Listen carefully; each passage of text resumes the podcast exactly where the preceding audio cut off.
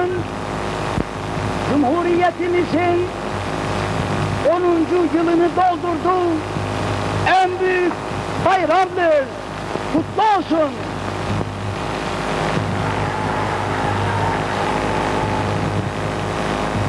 Bu anda büyük Türk milletinin bir ferdi olarak bu kutlu güne kavuşmanın en derin sevinci ve heyecanı içindeyim.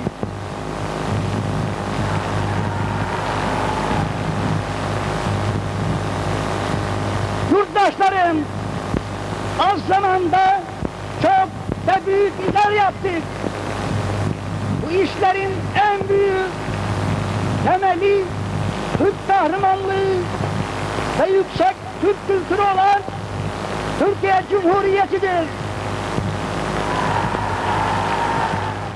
Efendim herkese selamlar. Ee, 29 Ekim Cumhuriyetimizin 98. yıl dönümünde yeni bir Cuma raporuyla her zaman olduğu gibi Ersin abiyle beraberiz.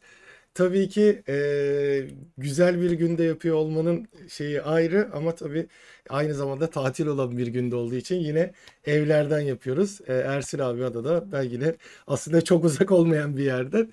E, yayın olarak yapmayalım dedik. Bazen internetten falan sıkıntı oluyor. Kayıt olarak hem de size bahsettiğimiz ürünlerin detaylarını klasik cuma raporu gibi e, sunacağız deyip yine topu sana atayım abi. Nasılsın? İyi misin? Ee, nasılsını falan bırakalım. İlk önce bebeğimizin bayramını kutlayalım. 29 Ekim Cumhuriyet Bayramı kutlu olsun Aydoğan. Hepimizin kutlu olsun abi. Sağ olasın. Senin de kutlu olsun. Hepimiz, hepimizin kutlu olsun. Evet, hepimizin bayramı. Yani bu ülkenin toprakları içinde yaşayan ve kendini bu ülkeye ait hisseden, bu ülkedeki diğer insanlarla da arasında manevi bir bağ olduğunu düşünen herkesin Hı hı. Cumhuriyet Bayramı kutlu olsun. Ee, böyle günlerde daha doğrusu ne yazık ki artık günümüzde böyle günlere daha bir önem vermek zorunda hissediyorum. Ben Evet. en azından Ersin olarak Ee, 23 Nisanlar, 19 Mayıslar, 29 Ekimler eskisinden olduğunu, eskisine göre biraz daha önemliymiş gibi geliyor sanki ee, Kesinlikle. kulağıma. Öyle söyleyeyim. O yüzden etrafa baktığım zaman da dün, dünden beri işte her gördüğüm asılmış Türk bayrağının ee, daha fazla bir şeyler ifade ettiğini düşünüyorum. Sen de ne güzel yapmışsın. Milli formayı giymişsin üstüne. Aynen. Süper, süper bir tercih olmuş. Ben de İstanbul'daki evde olsaydım seni böyle görünce Ayda bana bir iki dakika müsaade et. Ben de onu giyeyim. Şey olsun, takım Evet. olsun filan derdim. Bu işin güzel yanı yani işin güzel yanı ne? Cumhuriyet Bayramı'nı hep birlikte kutluyor oluşumuz. Ama e, Cuma raporuna geçmeden önce adını anmamız gereken Evet. iki tane en az arkadaşımız var. Bunlardan birisi Hasret Tutal, diğeri de Şebnem Şirin. Evet. Ee, nedir bu arkadaşlarımızın ortak özellikleri? Her ikisinin de geride bıraktığımız hafta içinde öldürülmüş olmaları. Ee, kadın cinayetlerinin son iki kurbanı olmaları ve her ikisi de kendilerini sevdikleri iddia edilen adamlar tarafından hunharca öldürülmüş olmaları Evet. ve büyük bir ihtimalle ya da öyle tahmin ediyorum ki her ikisinin katili de o ya da bu hafifletici nedenlerle yani mahkemede gömlek giydi, kravat taktı, uslu davrandı filan filan gibi çok önemli olan nedenlerle çok az cezalar alarak büyük bir ihtimalle tekrar toplumun arasına geriye dönecekler. Daha da kötüsü e, başka başka insanların belki kadın cinayetlerini mail etmelerine şey olacaklar, e, neden olacaklar. Evet. E, bu da çok şey bir şey değil. Ne derler? E, çok keyif alarak anlattığımız, konuştuğumuz bir şey değil. Her ikisinin de e, mekanı cennet olsun. E, bize bu lafları ettiren her iki itin de Allah belasını versin. Diyelim Umarım. ve senin hazırladığın e, Cuma raporu konularına hızlıca geçelim. Ne dersin? Geçelim abi. Biliyorsunuz zaten bizim de katıldığımız e, oradan lansman yayınını da e, daha sonrasında kanalımızda görebileceğiniz Xiaomi'nin 11T serisi merakla beklenen serisi Türkiye'ye de resmen çıkışını yapmış oldu. Tabii ki orada e, asıl olarak 11T ile 11 Lite olsa da yani 11T Pro ve e, 11 Lite 5G New Edition olsa da ekosistem ürünlerini de e, tanıttılar. E, fiyatlarına baktığımızda tableti Pad 5 e, 4000 lira, Yeni Buds 3 Pro kulaklığı 700 lira. Flip Buds Pro isimli şu anda kendi ekosistemindeki en tepe kulaklığı 2000 lira. E, Air Fryer son dönemde Türkiye'de de çok po- popüler olmaya başladı. Yağsız kızartma makinesi diyebileceğimiz e, makinesi 1299 lira ve elektrikli scooter'ının son versiyonu da 6600 lira olarak açıklandı.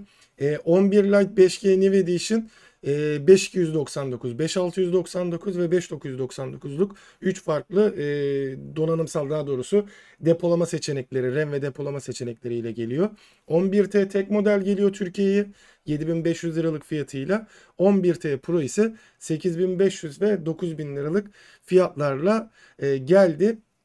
Burada tabii fiyatların iyi e, kötü olmasını konuşacağız ama orada e, bahsedilen önemli detaylardan biri de Xiaomi'nin e, resmi olarak açıkladığı veriye göre dünyada ikinci sırada şu anda shipment bazında Avrupa'da da birinci olduklarını söyledi. Ülkeleri de orada gösterdiler. Türkiye'yi dahil etmemişler daha önce açıklamalarına rağmen. Ama şu anda genel toplamda dünyada ikinci ve Avrupa'da birinci olduklarına dair bir ibarede paylaşıldı. Şimdi e, bizim kanalda da zaten bu yeni cihazlarla ilgili e, videolar var. Lansmanın tamamının videosu da var. Yarın sabah da e, benim e, Xiaomi Türkiye Ülke Müdür Yardımcısı İrfan Bey ile sağ olsun bizi kırmadı. Ayaküstü bir 5 dakika zaman ayırdı. Röportaj demeyelim de böyle bir ayaküstü sohbet, Sohbet, ettiğimiz bir video yayınlanacak. E, orada da zaten e, İrfan Bey'e bir iki soru sorduk ürünlerle ilgili, genel anlamda Xiaomi ile ilgili. Arkadaşlarımız merak edenler şimdiden yarın sabah için teyakkuz durumunda olsunlar o videoyu izlemek için. Ancak şöyle bir şey var. Genel tabii ki konumuz fiyat değil mi Aydoğan? Hani e, kurdaki değişimle birlikte cep telefonlarının, sadece cep telefonu değil, tüm teknolojik cihazların hatta e, içtiğimiz suyun, e, yediğimiz yemeğin filan filan her şey fiyat artışı. artık fiyatlar yukarıda, çok fazla yukarıda. Şimdi ben yorumla yapan arkadaşlarımızın hepsinin yaptığı yorumlara saygı duymakla birlikte yine bir dört işlem hatırlatması yapmak istiyorum arkadaşlarımıza. Şimdi bu cihazlar yani Xiaomi 11T ailesi dediğimiz cihazlar bundan bir buçuk ay kadar önce filan global lansmanı yapılan cihazlar. Yani dünyada satışa çıkan cihazlar. Çin'de daha önce, dünyanın geri kalanında daha sonra satışa çıkan cihazlar. Ve global lansmanlarında da euro bazlı olarak satış fiyatı zaten duyurulan cihazlar. Şimdi şuna bakmak lazım Aydoğan. O duyurulan her bir cihaz için bunu tek tek hesaplamaya gerek yok bence. Yani üç tane telefon tanıtlı yaşıyor yani. Hı hı. Üç içinde tek, tek şey yapmaya gerek yok. Kaç euro olarak duyurulmuştu bu cihazlar?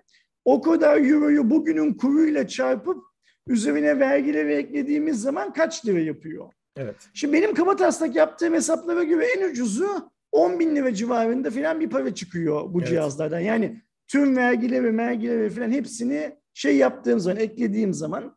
E şimdi en ucuz 10 bin lira gibi çıktığı zaman ne yazık ki kendi içinde bu Light 5G New Edition'ın da 11T'nin de 11T Pro'nun da fiyatlarını pahalı bulsam da e, Xiaomi'nin Türkiye özelinde iyi bir fiyat açıkladığını söylemek zorunda kalıyorum. Yani bizim e, yeterince zengin olmayışımız, yeterli paramızın olmayışı Xiaomi'nin yaptığı şeyi tukaka dememize neden olmamalı bence.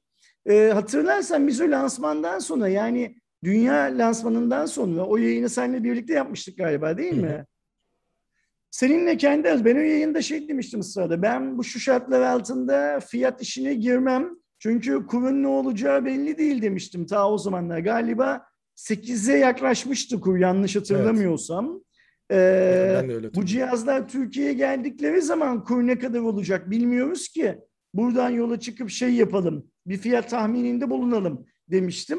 Ne yazık ki haklı çıkmışım. Yani hani 8 lirayken hesaplayamadığımız cihazları neredeyse 10 lirayken satın almak zorunda kalıyoruz. Ama şimdi evet bakıyorum mesela benim gönlüm ister ki Türkiye'deki her arkadaşımız, bizim yayınımızı izleyen her arkadaşımız 11T Pro'nun en üst versiyonuna 8999 euro, 9000 lira verip sahip olabilsin. Fakat bu mümkün değil. Türkiye için bu yüksek bir fiyat. Yani e, bu parayı çok az insan verebilecek, çok az izleyicimiz verebilecek büyük bir ihtimalle. Fakat buradan yola çıkarak Xiaomi yüksek fiyat açıkladı dememe, demem mümkün değil. Yani Hı hı. matematik işlemi yaptığım zaman söyleyemiyorum bunu. Niye söyleyemiyorum? Çok net yine söyleyeyim. Merak eden arkadaşlarımız hesaplasınlar. Ee, bu cihaz şu an dünyada kaç euroya satılıyor? Satıldığı euro ile bu Türkiye'deki euro kurunu çarptığımız zaman kaç lira buluyoruz? Ve üzerine ne kadar vergi ekleyeceğiz? Bu hesabı yaptığımız zaman ne yazık ki 9 bin lira ucuz kalıyor. Evet. Zaten orada lansmanda ayaküstü bir iki tane Xiaomi yetkilisiyle konuştuğum zaman hepsi şunu söylediler Aydoğan.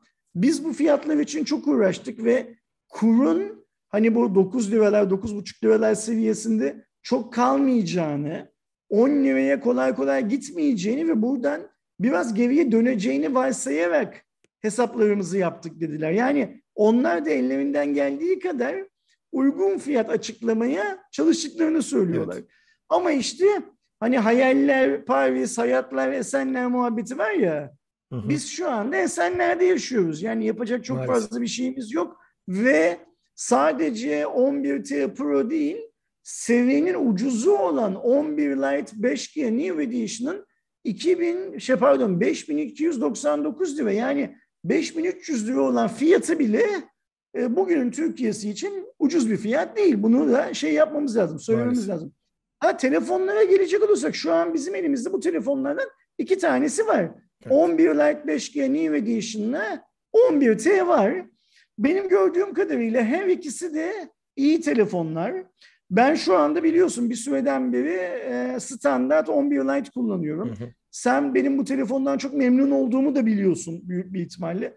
Mesela ben 11 Lite'dan e, 11T e, Lite 5G New Edition adını söylerken 11 Lite, zorlandığım geçer miyim? Sanmıyorum geçeceğim ama hafiflikleri, boyutları, işte yani tip olarak görüntüleri falan süper gördüğüm kadarıyla bu cihazda. Evet, siyah bile Ve şey de 11T'de lansman alanında incelediğimiz 11T Pro'da hani o geçen yıl bunların 10T'leri ve 10T Pro'ları çıktığı zaman böyle bir mü- mü- mükemmel bir şekilde Türk teknoloji hayranları tarafından kabul edilmişlerdi ya. Hı hı. E, stoklar bitmişti, insanlar e, cebimde param var, e, 10T Pro bulamıyorum falan Evet. yapmışlardı. Niye? Cihaz iyiydi çünkü. E, bunların da o kadar iyi olduğuna e, gördük. Yani zaten şey elimizde, 11T elimizde, 11T Pro- Pro'yu da lansman alanında gördük. Sanırım önümüzdeki hafta bizim ofiste de bir tane olur. Allah şimdiden sahiplerine bağışlasın diyelim. Evet. Çünkü benim bildiğim kadarıyla bu benim adını söylerken zorlandığım Xiaomi 11 Lite 5G New Edition'la Xiaomi 11T yani baz model dün itibariyle Türkiye'deki tüm Xiaomi shoplarda satılmaya başlandı galiba. Evet hatta yani e, Pro içinde Li- 11 Lite için de vardı sanırım.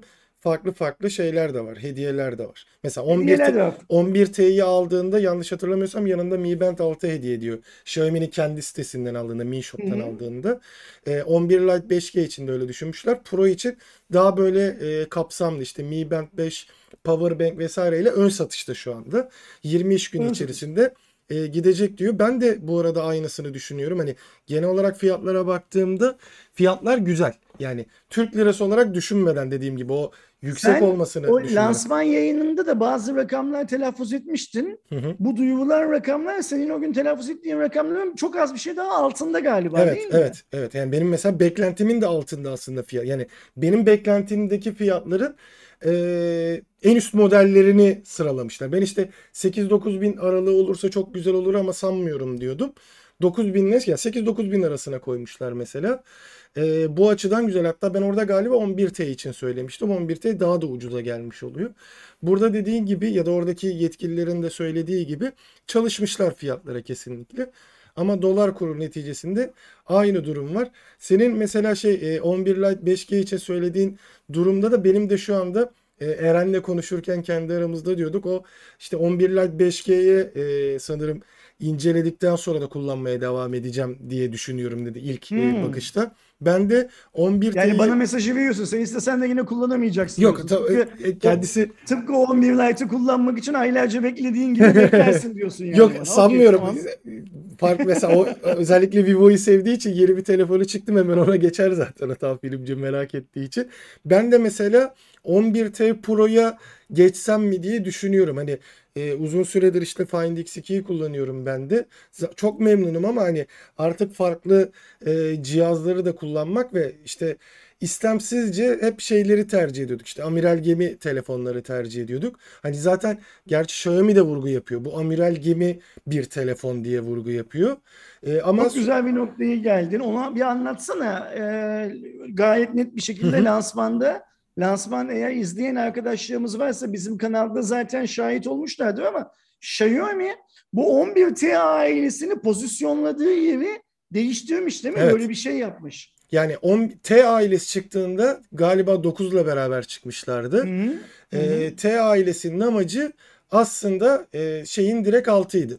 Yani bir 11 işte ana seri var. Mi serisi vardı. Onun altına 11T'yi konumlandırmışlardı.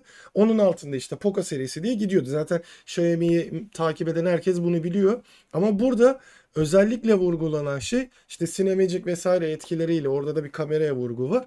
11T e, serisi amiral gemi seviyesinde olan böyle bir bir tık altı telefon değil. Her şeyiyle işte işlemcisiyle sunduklarıyla e, tamamıyla bir e, amiral gemisi telefon bunlar diye söylediler. Bu da hani aslında konumlandırma olarak OnePlus'un ilk çıktığı dönemdeki bazı şeylerin hmm. kırpılmış amiral gemisi denebilir ki baktığımızda 11T e, Pro'yu e, burada alalım tam amiral gemisi olarak birçok şeyiyle 11'den bile Mi 11'den bile iyi özellikler sunuyor. Ufak tefek eksiklikleri var. Bunlar da işte göze batar mı diye ben de emin olmak adına büyük ihtimalle 11T Pro geldiğinde komple geçip ana telefonum olarak sürekli kullanırım diye düşünüyorum. Çünkü baktığımızda işte 120 watt şarjı var. 5000 miliamperi 17 dakikada doldurmak gibi bir değeri var. İşte Cinemagic vurgusu yapılıyor. OIS olmaması dışında e, birçok kamera e, performansı çok çok iddialı. Bunların hepsini yani incelemeden sonra da kullanıp özellikle e, insanların da merak ettiği ki orada da e, sorulmuştu. Kim sordu hatırlamıyorum ama ya 120 watt şarjın uzun vadede pile zararı olacak mı, ısınma sorunu olacak mı, performans düşüğü olacak mı gibi soruları da aktif olarak kullanıp görmek istiyorum. Okey. Bir sonraki haberimiz yine Xiaomi'nin merakla beklenilen bu sefer Redmi seviyesinde dünyada yaptığı şeyle ilgili, duyuruyla ilgili.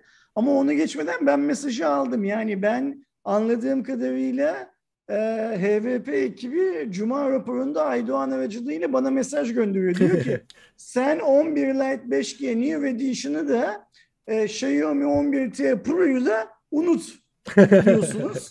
Okey tamam sen yoluna e, o Mi 11 Lite'la devam edersin Ersin diyorsunuz. Okey tamam yani öyle olsun. Yapacak çok fazla bir şey yok. Şimdi bunu tartışacak durumda değiliz. Bize şeyi anlat. E, Redmi Note 11 seviyesini anlat. Niye Redmi Note 11 seviyesini anlatmıyorum? Çünkü artık o biraz önce bahsettiğimiz ekonomik nedenler yüzünden Redmi Note seviyesi Türkiye için zaten önemliydi daha önemli bir seviye haline gelmeye başlıyor. Evet yani hem de kendini de e, iyi manada geliştirdiğini görüyoruz. Çin'de yapılan bir lansmandı. Ve orada Note 11, Note 11 Pro ve Note 11 Pro Plus modellerini gördük. Ee, ilerleyen dönemlerde belki klasik o S vesaireleri de çıkabilir ama şu anda 3 model tanıtıldı. Note 11'in baz modeline baktığımızda 6,6 inçlik LCD bir ekran, Full HD Plus çözünürlük 90 Hz tazeleme hızı sunuyor. Dimensity 810 ile beraber geliyor. Burada Mediatek entegreleri e, görüldüğü üzere devam etmekte. 4, 6, 8 GB RAM, 128, 256 GB depolama. Arkada çift kamera var. 50 artı 8 megapiksel. Önde 16 var. Burada bir parantez açmak istiyorum. Üzerine koyacağım fotoğraflardan da insanlar anlar. Ee, karşıdan baktığınızda dörtlü kamera sistemi var gibi yapmışlar. Yani aslında yine e, bu işte örnek veriyorum 11T'deki sistem orada görünüyor. ama ikisinde varken diğerlerine yazı yazmışlar. Boşluk bırakmışlar yani. O algıyı kırmamak istemişler. Hatta Twitter'da da e, global böyle bir iki ünlü kişi onun da zamanında işte iki kameralı e, şeyi e, iki kamera düzeniyle dört kamera varmış gibi iki kamera düzeni konuşuldu. E, bataryada 5000 mAh burada 33 watt hızlı şarjımız var. E, MIUI 12.5 ile beraber geliyor bütün seri.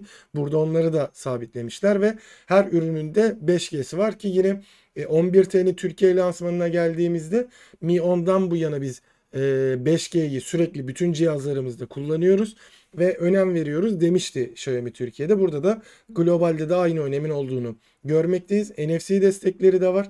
E, Wi-Fi 6, Bluetooth 5.0 gibi e, desteklerle geliyor. Yani artık standartları e, alt seviyelerine de getirmişler. Fiyatlara baktığımızda 190 dolarla 265 dolar arasında baz model değişiyor. Pro'ya geçtiğimizde direkt AMOLED'e bir geçiş var. E, 6.67 inçlik 120 Hz tazeleme hızlı AMOLED bir ekran. Burada Dimensity 920'yi görüyoruz. 6.8 RAM 128 256 depolama 108 e, megapikseli artık buraya da indirgemişler. 108 8 2 megapiksellik arka 16 megapiksellik ön kameramız var. 5160 miliamperi 67 wattla dolduruyor. Yani burada da artık e, girişli orta arasına konumlandırdığı Redmi Note ailesinde de üst seviyelerde gördüğümüz performansları görmekteyiz. Tabii ki yine 5G'si, Wi-Fi 6'sı, NFC'si burada mevcut. Burada da 250 dolarla 328 dolar arasında değişiyor. Plus modeline geldiğimde burada yine ekran 6,67 inç AMOLED 120 Hz, Dimensity 920 kullanılıyor. Yani burada Snapdragon hiç yer vermemişler. 6.8 RAM, 128 256 depolama, 108 82 arka, 16 ön, 4500 miliamperi 120 wattla şarj ediyor. Yani biz daha 11T Pro'da gördüğümüz daha önce Mi 11 Ultra'daydı galiba 120 denemeleri. Artık buraya da hemen getirmişler. Yani yine 17 dakikayı 5000 mAh'de dolduruyorsa yaklaşık 10-15 dakikada dolabilecek bir telefon. E, bu da 312 ile 359 dolar arasında değişen fiyatlarla. Şimdi Aydoğan yeni Redmi Note seviyesinde yani Redmi Note 11 seviyesinde global fiyatlarının 190 dolardan başlayıp en üst fiyatta 359 dolara kadar çıktığını görüyoruz. Yani kendi arasında bile şey açık, e, perde gayet açık. Yani 190 dolardan 360 dolara kadar. Yani yüzde yetmiş filan bir şey var, artış var. Ama sanırım daha önemli olan şey şu. İlk kez biz e, Redmi Note ailesinde Snapdragon işlemci görmüyoruz değil mi? Evet illaki bir yere sıkıştırırlardı. Burada şu seride yani belki ileride işte 5G S'si falan çıkıyordu biliyorsunuz ama e, orada da geleceğini sanmıyorum. Çünkü onlar yani sonradan eklenenler bu ana serilere ara atıştırmalıklar oluyordu hep. Ya büyük ihtimalle artık Note serisinde dediğin gibi e, Qualcomm'dan vazgeçmişler ya da Mediatek'e daha çok önem vermişler Hani o Mediatek çöp diyenler daha doğrusu Mediatek çöp diyenler için artık kaçacak çok fazla bir Aynen. yer kalmıyor. Xiaomi sevdirecek diye sen söylemiştin Heh, zaten. Aynen öyle. Seve seve sevecekler diyordum şeyi e, Mediatek'i.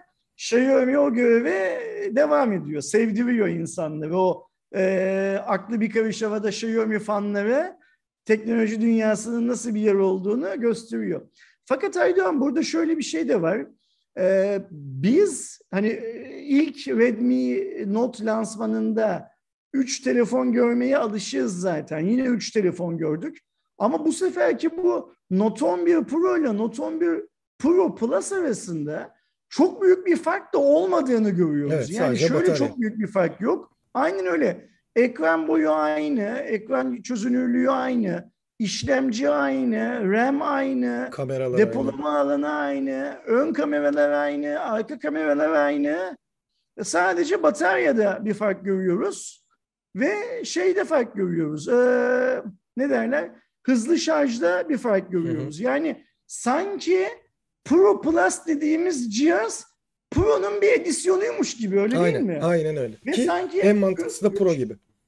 Üç model değil de iki model açıklamış gibi şey olmuş aynen. sanki şeyde. Buradan da şu senin söylediğin şeyi daha merak eder hale geliyorum. Şimdi Xiaomi geçen yıla kadar ara lansman yapıp Redmi Note ailesini zenginleştirmiyordu. Yani günün şartlarına göre yeni Redmi Note'lar sahaya sürmüyordu. Rakiplerin ürünlerine e, anlık rakipler yaratmıyordu kendi ekosistemi, kendi içinden. Şimdi geçen yıl bu alışkanlığı e, şey yaptı, bize gösterdi. Bu yıl ben e, en az bir 3-4 tane daha Redmi Note 11 modeli yıl içinde Hindistan... farklı farklı lansmanlarda Aynen. oyuna sokulacak diye. Yani Xiaomi şunu bekliyor büyük bir ihtimalle. Oppo ne çıkartıyor? Şunu çıkartıyor. Hadi ben de ona rakip bir tane Redmi Note 11 Pro Plus amuda kalkan 5G süreyim piyasaya. O, Realme ne çıkartıyor? Hadi ben de bir tane Redmi Note 11 takla atan 5G çıkartayım piyasaya falan diye isimlerle bir şeyler bize verecek diye tahmin Kesinlikle. ediyorum. Ee, insanlarımız yani insanlarımızın Türk halkı daha şimdiden Redmi Note 11'i soruyor bize. Ee, dünya lansmanı yeni yapıldı ve genellikle e, Xiaomi bu takvimde yani Ekim'in ortasından sonuna doğru olan dönemde yapar zaten Redmi, Redmi Note'ların lansmanını. Türkiye'ye de bunlar genellikle Mart ya da Nisan gibi gelirler. Bir sonraki yılın Mart sonu, Nisan ortası filan gibi gelirler.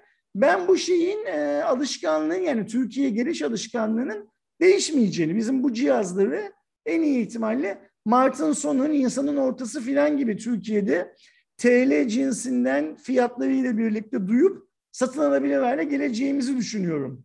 Bana da öyle geliyor. Zaten tam dediğin gibi abi. Şimdi bu Çin'de yapılan lansmanda ilk duyuruydu. Bu edisyonları o diğer şeyleri e, genellikle Hint lansmanında yani Avrupa lansmanı olarak kabul edilebilecek Hindistan lansmanında Hı-hı. yapıyorlar. Ve o süreçte de e, işte Realme'nin dediğin gibi bilmem nesi Oppo'nun ya da e, kendince yine Poco'dan bir şey çıkartıyor ve onun e, varyasyonu oluyor. Kendi içinde de yarışmayı sevdiği için Xiaomi. E, bakalım belki dediğin gibi şeyde e, mesela Pro Max'ler artık bilmiyorum e, Apple gibi e, isimlendirmeleri çok yapmaya başladı Xiaomi Kanada'da. Ona Snapdragon koyup e, şey yapar. Ya da tam şey olduğu için e, sene sonu olduğu için belki de şeyi bekliyordur. Yani e, Snapdragon'ı ya da işte Qualcomm'un yeni işlemcileri yani 2022 yılındaki Haklısın. orta seviye işlemciler ortaya çıksın onların üzerine şey yapar. Çünkü Xiaomi'de de şey takıntısı var. Mesela bu işte 920'yi falan biz daha duymamıştık. İşte e, farklı farklı e, versiyonlarını da hep Xiaomi tanıtmayı seviyor. Qualcomm'la da hatta burada Realme ile e, atıştığı nokta da hatta bir ara Türkiye'de de çok konuşuldu. İlk bilmem neyli telefon Türkiye'deki Aynen bu öyle. diye. Onu demek için bekliyor olabilirler yani. Snapdragon'un yeni 700 serisi 600 serisi çıksın. Hemen oradan e, Redmi Note 10 bilmem ne artık. Çünkü 5G'yi kullanıyor. Artık ne diyecek bilmiyorum. NFC'yi de kullandı. Farklı bir isimlendiriyor. Wi-Fi 6 der belki. E, yani biz Redmi çıkartır. Note 11 ailesinin şu an bize tanıtılan 3 cihazına rakip olabilecek yeni Redmi Note 11'ler her an görebiliriz. Bunu söylüyorsun evet, aslında. Evet, evet. Çok haklısın. Çok haklısın. Ee, devam ettiğimde de bu sefer Facebook'un e, olayı var. Zaten Metaverse e, vurgusuyla e, yayınlar yapılıyordu Facebook tarafında. En son e, Mark Zuckerberg de yaptığı açıklamayla aslında Google'ın gittiği yoldan yani Google'da tepe şeyini alfabet olarak değiştirdikten birkaç yıl sonra e, Facebook'un da tepe firmasının adı Facebook değil artık Meta olacak. E, logoyu vesaire değiştirdi ama burada e, Meta yapmasının işte Facebook'un adı değişecek vesaire gibi durum yok. Yani Facebook, Instagram, WhatsApp, Oculus gibi alt şirketleri bağlı oldukları e, Facebook'a bağlı olan şirketler aynı şekilde e, devam edecek. Ama e, markanın en büyük buradaki marka değişimindeki açıklaması aslında eldeki Oculus'la ve kendi işte yapay zeka geliştirmesiyle beraber bir sanal dünya yaratmak. İşte bunu birçok bilim kurguda görüyoruz. Son dönemdeki en popüleri ben izlediğimde onu hissettim. Ready Player One gibi sizin Oculus gözlükleriyle vesaire tamamıyla e, şey adına da bakayım Horizon Home'a girip işte toplantılar yapabileceğiniz, e, orada yaşayabileceğiniz bir evren o, oluşturma şeyinde e, gayesinde diyebiliriz Zuckerberg için. Yani Mark'ın bundan birkaç yıl önce Oculus'u niye satın aldığı aslında bu lansmanla çok daha net bir şekilde şeye çıkıyor değil mi? Evet. Ortaya çıkıyor. Yani bilim kurgu filmlerinden e, gerçeğe Hani dönüş şey yine kareler var. vardır ya adamın teki e, sanal gerçeklik gözlüğü kulağı kafasında ve e, damardan besleniyor. Hı hı. Şişmiş filan hiç yerinden kalkmamış hayatı boyunca. Ona doğru bir gidiş ama bu- burada şöyle bir şey var Aydoğan. E, bu tanıtım lansmanında Mark ki kendisi dünyanın en güvenilmez insanlarının başında gelir. E, güvenliğe, veri, kişisel veri güvenliğine dikkat çekti. Yani Mark Biz gibi yedik. bir adamın Na- nasıl? Biz de yedik dedim. Ha, biz de ben de boku yedik dedin bir şey olarak. Ya aynı şey çıkabilir aslında. Sonuçta Mark diyor yani. Ne derse Yani tersi. Mark gibi bir adamın e, tüm dünya insanlarının kişisel güvenliğiyle ilgili e, laflar ediyor olması çok şey tabii ki. E, bir yandan da ne kadar talihsiz bir dönemde şu dünya denilen gezegenin üzerinde yaşama şansı yakaladığımızı e, bize çok net şey yapıyor, anlatıyor. E, bana şöyle geliyor Aydoğan. E, Mark'ın elindeki oyuncaklardan Facebook sürekli değer kaybediyor. Yani kullanıcı sayısını azalmasa bile kullanıcıların platformda geçirdikleri zaman azalıyor. Buna bağlı olarak da Facebook'un gelirleri düşüyor. Reputasyonu, popülaritesi azalıyor. Tüm dünyada dedelerin, anneannelerin, babaannelerin kullandığı bir platform olarak anılmaya başladı hızlıca bir şekilde. Şimdi orada bir duran top var. Facebook o duran top. Mark o duran topu çok iyi vurma çabasında şu anda. Bu yeni e, yarattıkları evrenle birlikte. E, teknolojinin takvim yılı da bunun yaratılmasına çok şey müsait.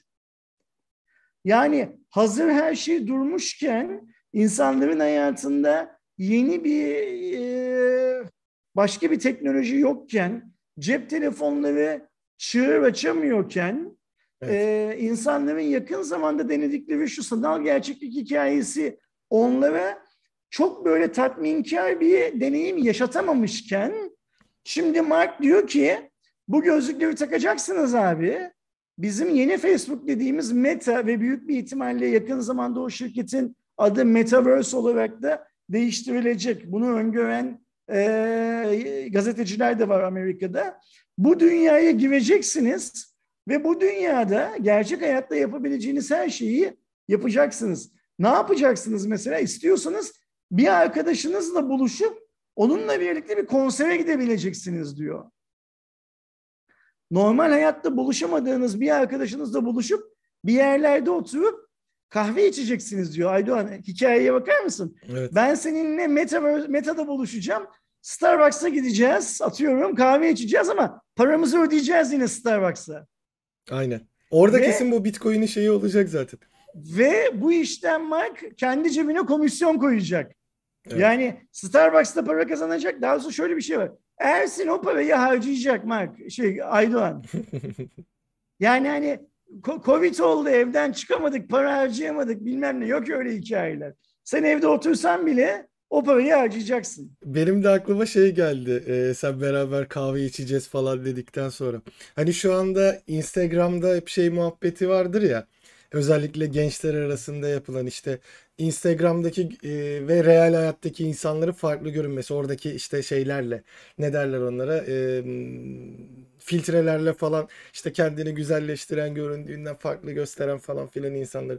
Şimdi bu Metaverse olayında da e, şey hikayeleri duymaya başlarız hayatımıza iyice girdiğinde. İşte e, Metaverse'de evlenen çift gerçek hayatta kendilerini gördükten sonra ayrıldılar bilmem ne oldu falan filan diye. Şimdi bak ne var biliyor musun? Bu hayaller ve gerçekler muhabbeti var ya biraz önce söyledik. Hayaller Paris, gerçekler Esenler. Esenler gerçeğindeki herkes meta sayesinde Paris'te takılacak Aydoğan. Evet. Orada da euro geçerse biz orada da zor gideriz Paris'e de. Aa süper. En azından Türkiye özel bir fiyatlandırma olsun. Ama yani şeyi de burada istemiş gibime geliyor. Şimdi e, işte Instagram'da, WhatsApp'ta gerektiğinde Oculus'ta da e, bir şeyler olduğunda ya da işte bu e, mahkeme süreçleri olduğunda hep o Facebook markası ön- şeyde olduğunda bu da çok etkiledi Facebook'un bu kadar düşmesini. Hatta uğraştı işte hala da aslında uğraşıyor işte e, Türkiye'deki farklı farklı yayıncıları oradaki oyun platformuna çekmeye çalışması. Burada işte bütün yayıncılara gelin burada da video içeriği üretin falan filan diyerek farklı bir strateji uygulamaya çalıştı. Ee, ve ben de mesela normal Facebook'u açıp e, kim ne paylaşmış diye gördüğümde bu hep oyun yayınlarını, videoları ön plana çıkarmaya çalıştığını görüyorum. Ee, bunu o şekilde kurtaramayacağını görüp bir tepe şirketle farklı bir oluşumla en azından e, bu olası olumsuzlukları üstlenebilecek ayrı bir çünkü Meta'ya açıldı dava. Meta böyle yaptı dediğimizde o Facebook algısı da biraz e, düşebilir en azından bu olumsuz algısı ama e, o güvenlik konusuna da geldiğimizde zaten Facebook, WhatsApp, Instagram e, üçlüsü sağ olsun hani her şeyimizi bilebiliyor. İşte e, seçimleri değiştirebiliyor ya da orada çok büyük etki uyandırabiliyor. Bir de bizi bir sanal ortama ulaştırdığında artık hani e, bizim kontrolümüzden çıkan bizi kontrol ettiği bir mekanizmaya doğru geçiyoruz. Şu an bizi yönlendiriyordu. O akıl oyunları yapabiliyordu. Şimdi direkt hani e, biz direkt hani zaten hep deriz para ödemediğiniz şeyde aslında şey sizsiniz diye e, ne derler ona mal sizsiniz diyeyim. Hani oradaki mal tabii ki Hı hı. ürün anlamındaki e, mal. Şimdi iyice bizim kontrol edildiğimiz ve gerçekten yavaş yavaş kuklaya dönüşebileceğimiz bir evrene doğru da gidiyoruz korkusu sarmadı değil. Şimdi burada unutmamamız gereken en temel şey şu Aydoğan. Mark e, çok güvenilebilir, çok dürüst, sicili çok temiz bir arkadaşımız değil. Evet. Yani bugüne kadar yaptığı şeyler arasında e, belki de bir gün dünyanın teknolojik tarihi çıkartıldığı zaman en suçlu olarak şey yapılacak ne derler ilan edilecek adamlardan bir tanesi olacak diye tahmin ediyorum. E, o yüzden de e, Mark'la şey yaparken iletişimde bulunurken hep böyle biraz kontrollü olmamız gerektiği gibi bir şey var kafamda. Fikir var kafamda. Ve ister istemez dönüp dolaşıp şeye bakıyorum. Acaba bir sonraki veri kaçağı, veri sızıntısı, insanların verilerini satarak senin de söylediğin gibi seçimlere etki etme, bilmem ne yapma filan gibi hikayeler bu yeni şeyde mi olacak, e, platformda mı olacak diye düşünmekten kendimi şey yapamıyorum, e, alamıyorum. Bakalım göreceğiz. Yani bu hikayenin hayata geçebilmesi için her şeyden önce dünyadaki Oculus satışlarının bir şey yapması gerekiyor. E, ivme kazanması gerekiyor öncelikli olarak. Evet. onun sonrasında da sanırım internet bağlantısının artık hani e, fiber formunun default olarak tüm dünyada kullanılabilir fonda olması gerekecek diye tahmin ediyorum. Ben Ee, oradaki bir yıl için Buyurun. buyur. bir yıl içinde filan şey yaparız. Ee, anlarız bunun ne olduğunu. Evet ya ben orada şunu düşünüyorum. Ee, yine Google galiba şeyde lansmanda ufak göstermişti Pixel 6'da. Ee, Oculus satışlarından ziyade yine bu bir ara denenen telefondan e, VR'a erişme düşüncesini şimdi daha rahat yapabilirler gibi geliyor. Çünkü artık mobil işlemciler de çok güçlendi. Birçok şeyi yapabiliyorlar. Sadece bir kit satın alarak belki de o kiti ücretsiz vererek şeye e, Belki rahat erişim haklısın. olsun diye. Yani Metaverse üyelerine işte o telefonların girebileceği bir şeyle sen o şeye kaskı takıp e, kam- tamamıyla o dünyaya geçme becerisi bile e, olabileceğini düşünüyorum ve önceden hep şey konuşulurdu işte e, şu anda da işte 2030'da 2040'da falan filan diye söylüyoruz ama son dönemde bu tarz gelişmeler o kadar hızlanıyor ki e, biz 2020 bitmeden bile bu Metaverse'ün artık e, Facebook'un ilk zamanları gibi bir kullanılmaya başlandığını aş- aşırı yaygın olmasa da e, en azından global çapta kullanılmaya başlandığını e, görebiliriz gibi de geliyor. Yani bu artık orta vadede ya da işte hep biz değil de torunlarımız belki çocuklarımız görür olayından bizim de görebileceğimiz bir yakın gelecek olduğunu da düşünmeye başladım. Ayrıca arkadaşlarımız şeyi de hatırlasınlar. Bundan 3 yıl önce ya da 4 yıl önce Samsung'un yaptığı lansmanı da hatırlasınlar. Mark o lansmana da katılmıştı. Evet. Ve Samsung cep telefonlarının yine Samsung tarafından üretilen bir kafa aparatıyla nasıl üç boyutlu gözlüklere dönüştürülebildiklerini, kolayca dönüştürülebildiklerini o lansmanda da görmüştük. Hatta o lansmanda Samsung, e, pardon Mark, Samsung'la Oculus'un çalışmalarının uzun vadede mutlaka bazı şeyler vereceğini, meyveler vereceğinden emin olduğunu da söylemişti. Yani eğer meta dünyasına girip bizim e, onlara para vermemiz bir şekilde sağlanabilirse ki Mark'ın hayalinin bu olması lazım. Bizim o dünyaya girişimizde Oculus gibi daha konforlu ya da Samsung gibi daha iptidai çözümler mutlaka üretilecektir. Evet. Zengin olan da fakir olan da meta dünyasına mutlaka giriş yapacaktır. Yani elbet her ölümlü o dünyanın tadını mutlaka alacaktır şeyinden yola çıkıyor Mark anladığımız kadarıyla. Kesinlikle. Hatta o dediğin anda şey sahnesi canlandı. Ee, ben de o lansmanı takip ediyordum. Mobil Dünya Kongresi'nde olmuştu ve işte şeyi tanıtmak için, gözlüğü tak- tanıtmak için oradaki bütün basın mensuplarına gözlüğü takmaları istendi. Orada lansman başladı Hı hı. ve e, gözlüğü çıkardığımız anda da marka sahneye çıktığını görmüştük. Karşıda aynen öyle. bir fotoğraf paylaşılmıştı. Herkes gözlüğü taktırmış aslında marka orada. Ve herkesin yanından böyle sakince yürüyerek geçtiği bir şeydi. Eğer bulabilirsem tekrarını ki Samsung'un ya da Oculus'un e, şeyde duruyordu. Burada o demek istediğim şeyi e, paylaşmış olurum deyip e, dün itibariyle e, özellikle 86 GB gibi farklı bir boyutta çıkan Age of Empires 4'ten bahsetmek lazım. Ben yayına geçmeden önce e, indirmeye başlamıştım. Dün indirecektim. Aklımdan çıktı. E, yani gerçekten büyük bir boyutu var ama şu anda bir single player e, kısmını bir oynayıp görmek lazım. Yıllar sonra e, artık hani tekrar 4K'ya güncellemekten ziyade tamamıyla yeni bir oyunla geldi. Kendi açıklamasında da İngilizlerden Çinlilere, Delhi Sultanlığı'na kadar ki yine e, Cengiz Han da var yine Moğol İmparatorluğu'nu da e, kullanabileceğiz. Karanlık Çağ'dan Rönesans'a kadar 500 yıllık bir tarihe yayılan 35 görevle 4 farklı seferde yine klasik şehirleri inşa etme, kaynağı yönetme ve birliklerinizi karada denizde savaşmaya odaklı bir oyun çıktı. E, satın almak istediğinizde Steam'de 299 lira, normal 399 lira. Deluxe fiyatı ama bu aylık ödeme sistemli e, Microsoft'un Game Pass sisteminde de tabii ki kendi stüdyo oyunu olduğu için ücretsiz olarak erişebileceğiniz bir oyun olarak karşımızda. Şimdi ben e, Age of Empire o, hala oynayan birisi olarak Evet. şu kadar merak etmiyorum.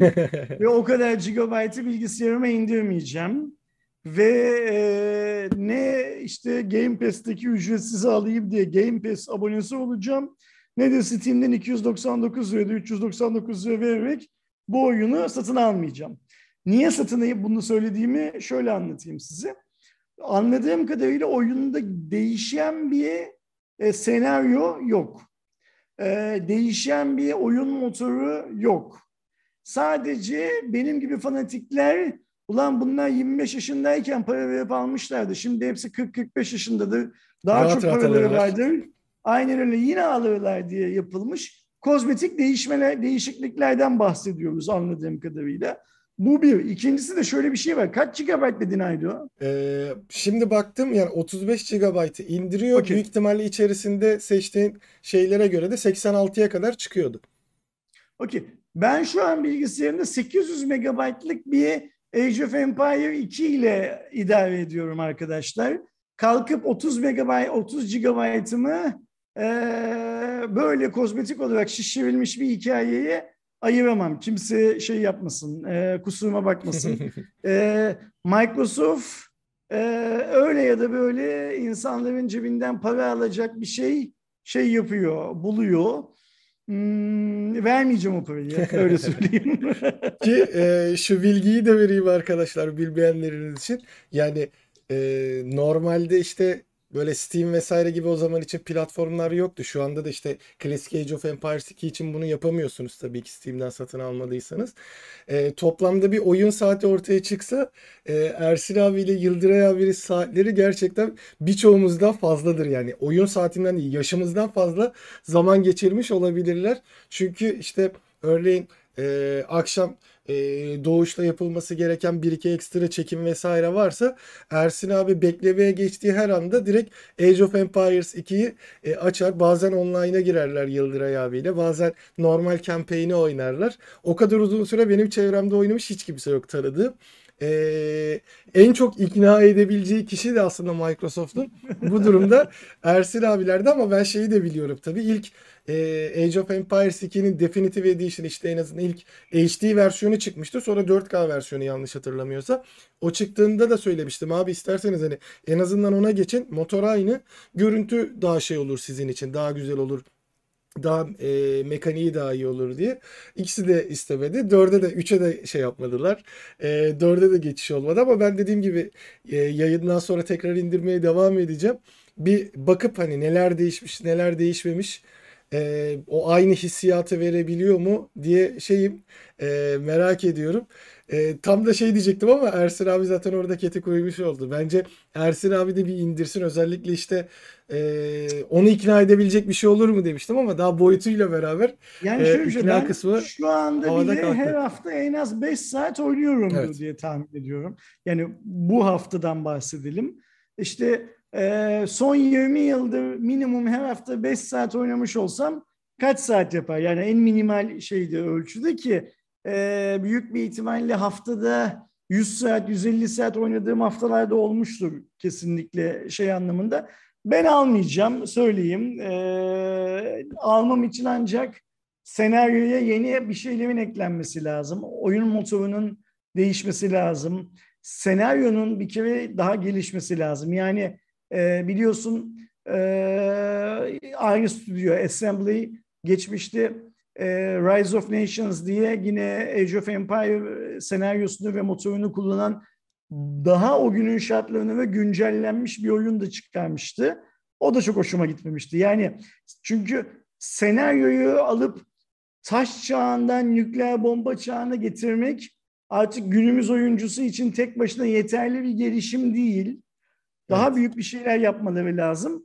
Onlar şimdi Bill Gates'le Mark şeyler ya, kankalar ya. yani Mark'ın ipleri zaten Bill Gates'in elinde ya. Age of Empire meta dünyasına uyarlarlar. Biz gider gözlüklerle oynarız. Bu sefer kendimiz altını falan kazmaya kalkarız. Büyük bir ihtimalle hem de spor olur Aydoğan. Ya şeyi de merak ediyorum şimdi ilerleyen ya zaten bu hafta içerisinde şeyler de ortaya çıkar işte. Normal kullanıcıların e, ne gibi geri dönüt vereceği, kaç puanlama vesaire yapacağı. İlk başta fena değildi puanlar. Bakalım göreceğiz. Ama dediğim gibi ben bir deneyip şeyi görmek istiyorum. Çünkü ben bayağıdır oynamadım yani herhangi bir Age of Empires serisini. İkiyi bırakalı çok oldu. Sonrasında da zaten şey de yapmamıştım bu arada. 3 ya da sonradan gelen o ek paketleri de şey yapmadım. Bir Definitive Edition çıktığında denedim. Ama sonradan yine şey yapmıştım. Bu arada Türkçe desteği de mevcut. Onu da merak edenler için söyleyeyim. Ee, sevgili... Hadi hadi hızlan biraz çekimi böyle bitirelim de ben Age of oynayayım. Dilan Özen'den gelen e, haber örevizle devam ediyorum. E, TSMC çift erileriyle ilgili e, Amerika'ya bilgi verme sözü verdi ve bu tabii ki Çin hükümeti tarafından çok da hoş karşılanmadı. E, buradaki verilen bilgilerin de TSMC tarafından tabii ki gizli bilgilerin ifşa edilmeyeceği, müşterilerin ve hissedarların haklarına herhangi bir zarar vermeyeceği e, yönünde bir tabii ki TSMC'den e, açıklama geldi ama Çin'de tabii ki Pekin'de e, yaptırım uygulama vesaire konusunda bir e, şeyleri var. Yani Washington'ın e, Pekin'e yaptırım uygulamak için kullanabileceğine dair baya bir gerginlik de mevcut. Şimdi bu tabii ki garip bir haber. Yani Amerika çok uzun zamandan beri bu bilginin peşinde koşuyordu. Ee, daha doğrusu TSMC'yi bu aşamaya getirmek istiyordu. Demek ki e, alttan alta yapılan ikna çalışmaları koca Çin hükümetine rağmen e, TSMC'yi bu duruma getirdi. Bakalım neler olacak? Yani bu Amerika'nın elde edeceği veriler e, Amerika ile Çin arasında yaşanan o büyük soğuk savaşı ne hale getirecek? Yani Huawei'deki olduğu gibi yeni bir platform mu açılacak? Ee, yoksa daha böyle gizli saklı işler mi yapılacak? Senin de söylediğin gibi bu haberi bize sevgili Dilan Özen gönderdi. Ayrıca e, Mahmut şey Mazlum Günhan da bize iki tane haber göndermişti Aydoğan sağ olsun. Hı hı. Birisi bu Facebook Meta şeyiydi, haberiydi. O zaten gündemimizde vardı. Diğeri de şeydi, e, Instagram'ın artık hani bu 10 bin abone ve üzerisine üzerinde izin verdiği link paylaşma özelliğini herkese açacağı hı hı. haberiydi. O haberde, bu haberde tamamı da web sitemizde var ama biz Instagram'ı şeyi almadık. E, Cuma raporunun akışını almadık. Her iki arkadaşımıza da bu anlamda bizimle haber paylaştıkları için çok çok teşekkür edelim. Ve başka izleyicilerimizden de aynen bu iki arkadaşımızın yaptığı gibi düzenli olarak Cuma raporunda konuşmamızı istedikleri konularla ilgili bizlere bilgilendirme yapmalarını hatırlatalım. Evet. Devam ettiğimde bu sefer uzay kanadı ile alakalı bir e, gelişme var. E, Dubai'de düzenlenen Uluslararası Uzay Konferansı'nda e, Türkiye Uzay Ajansı yani TUA ve e, Japonların uzay ajansı diyebileceğimiz e, JAXA ile bir e, anlaşma imzalandı. Bir işbirliği zaptı yapıldı. Hatta tam şeyde Türkiye Uzay Ajansı ve Japonya Havacılık ve Uzay Keşif Ajansı arasında barışçıl amaçlar için uzay faaliyetleri alanında işbirliği zaptı olarak geçen bu zapla beraber bir e, ortaklık da duyurulmuş oldu.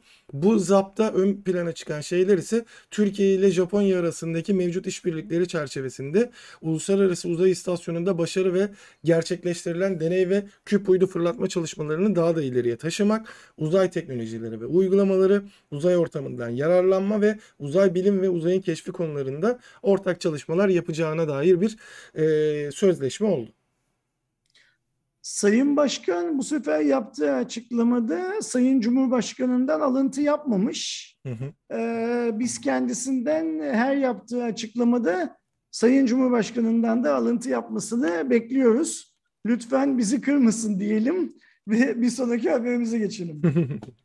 bir sonraki haberimiz yine e, tabii ki coin dünyasından. Özellikle son dönemde garip bir e, trend yakalayan Shiba e, şu anda e, tabii ki işte daha küsuratlı olsa da e, 0,00068 e, 896 dolar seviyesine çıkarak kendi rekorunu çok hızlı bir şekilde e, genişletmeye devam ediyor. Günlük hacmi 25 milyar dolar seviyelerindeyken e, 26 milyar e, mevcut değeri de 26 milyar dolar civarına çıktı ve e, mevcut pazar değerinin oranı da 0,9'a yükseltmiş oldu.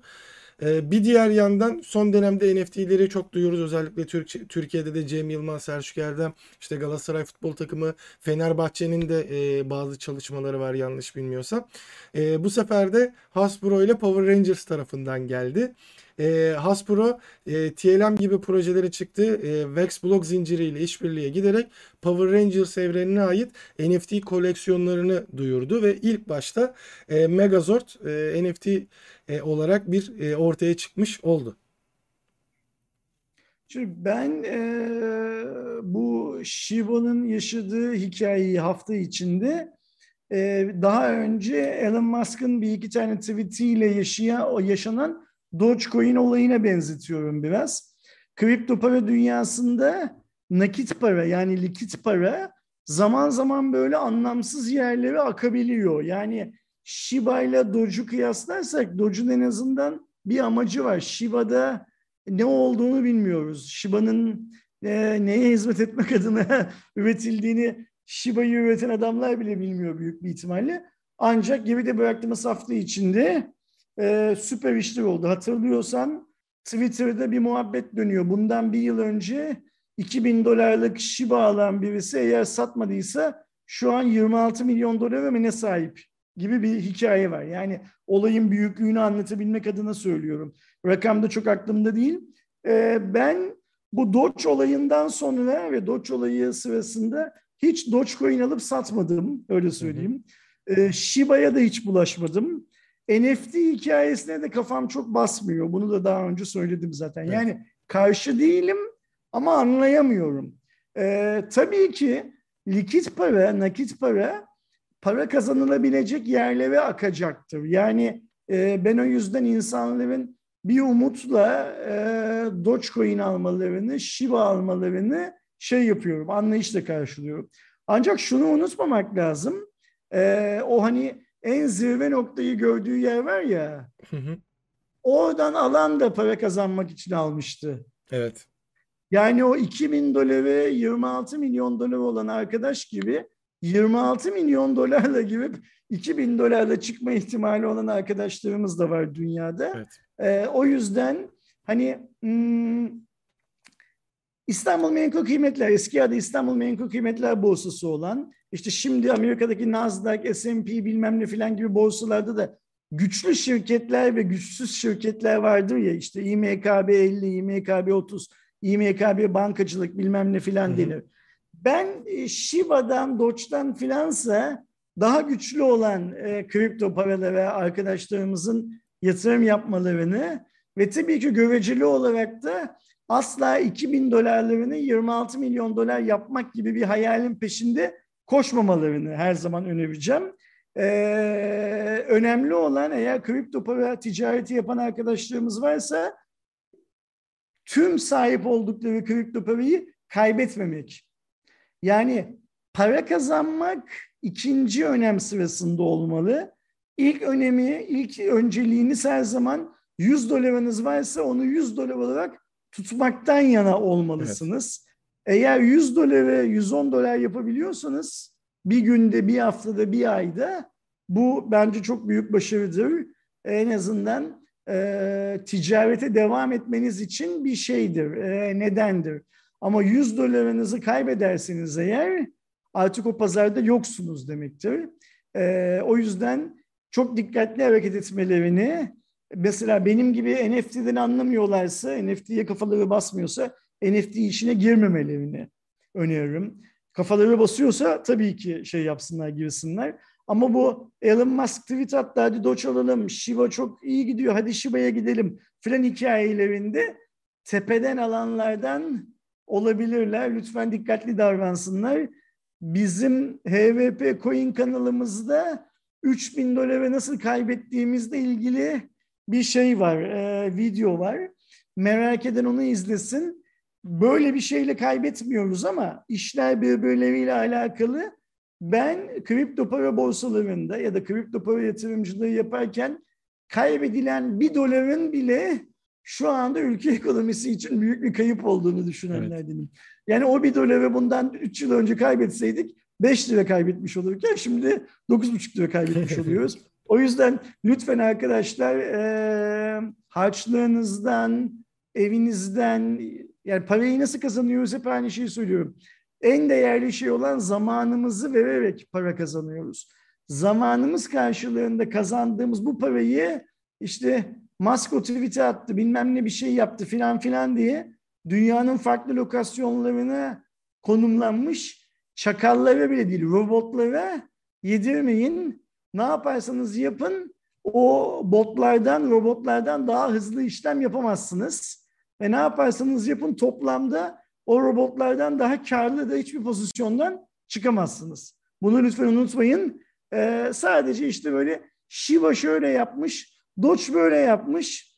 Bilmem kimin NFT'si de bir BNB'ye aldı NFT de 5000 BNB'ye satılmış filan diye işin hikaye tarafında kalmak benim için daha sağlıklı. Siz de kendi kararınızı lütfen ona göre verin. Kesinlikle.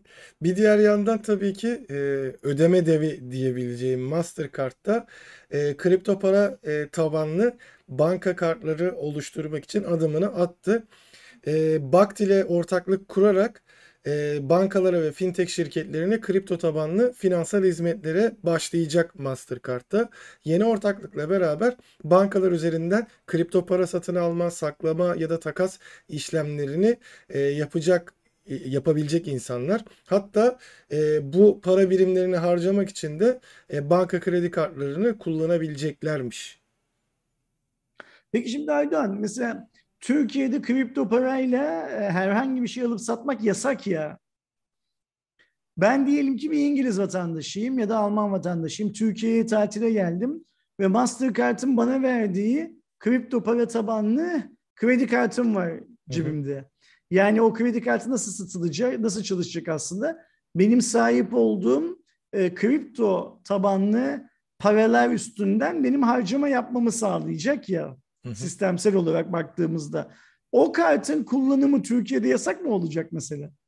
Ee, tahminimce şöyle bir şey olur abi. Ee, ya o şeyi sen o anki durumuna göre örneğin işte Bitcoin'in varsa Bitcoin işte Shiba'm varsa Shiba'yı falan ee, şey sen normal hesabına çevirip o şekilde alım olabilir. Ya da mesela e, ben de işte daha geçtiğimiz dönemde Viyana'ya gittiğimde kendi kredi kartımdan direkt orada euro ödemesi yapıyordum ama benden o anda çektiğim andaki kura göre TL alımı yapıyordu. Büyük ihtimalle o tarz bir şeyle önünü aşmış olurlar. Yani o Mastercard kullanırsın burada. Burada TL ile ödeme yaparsın.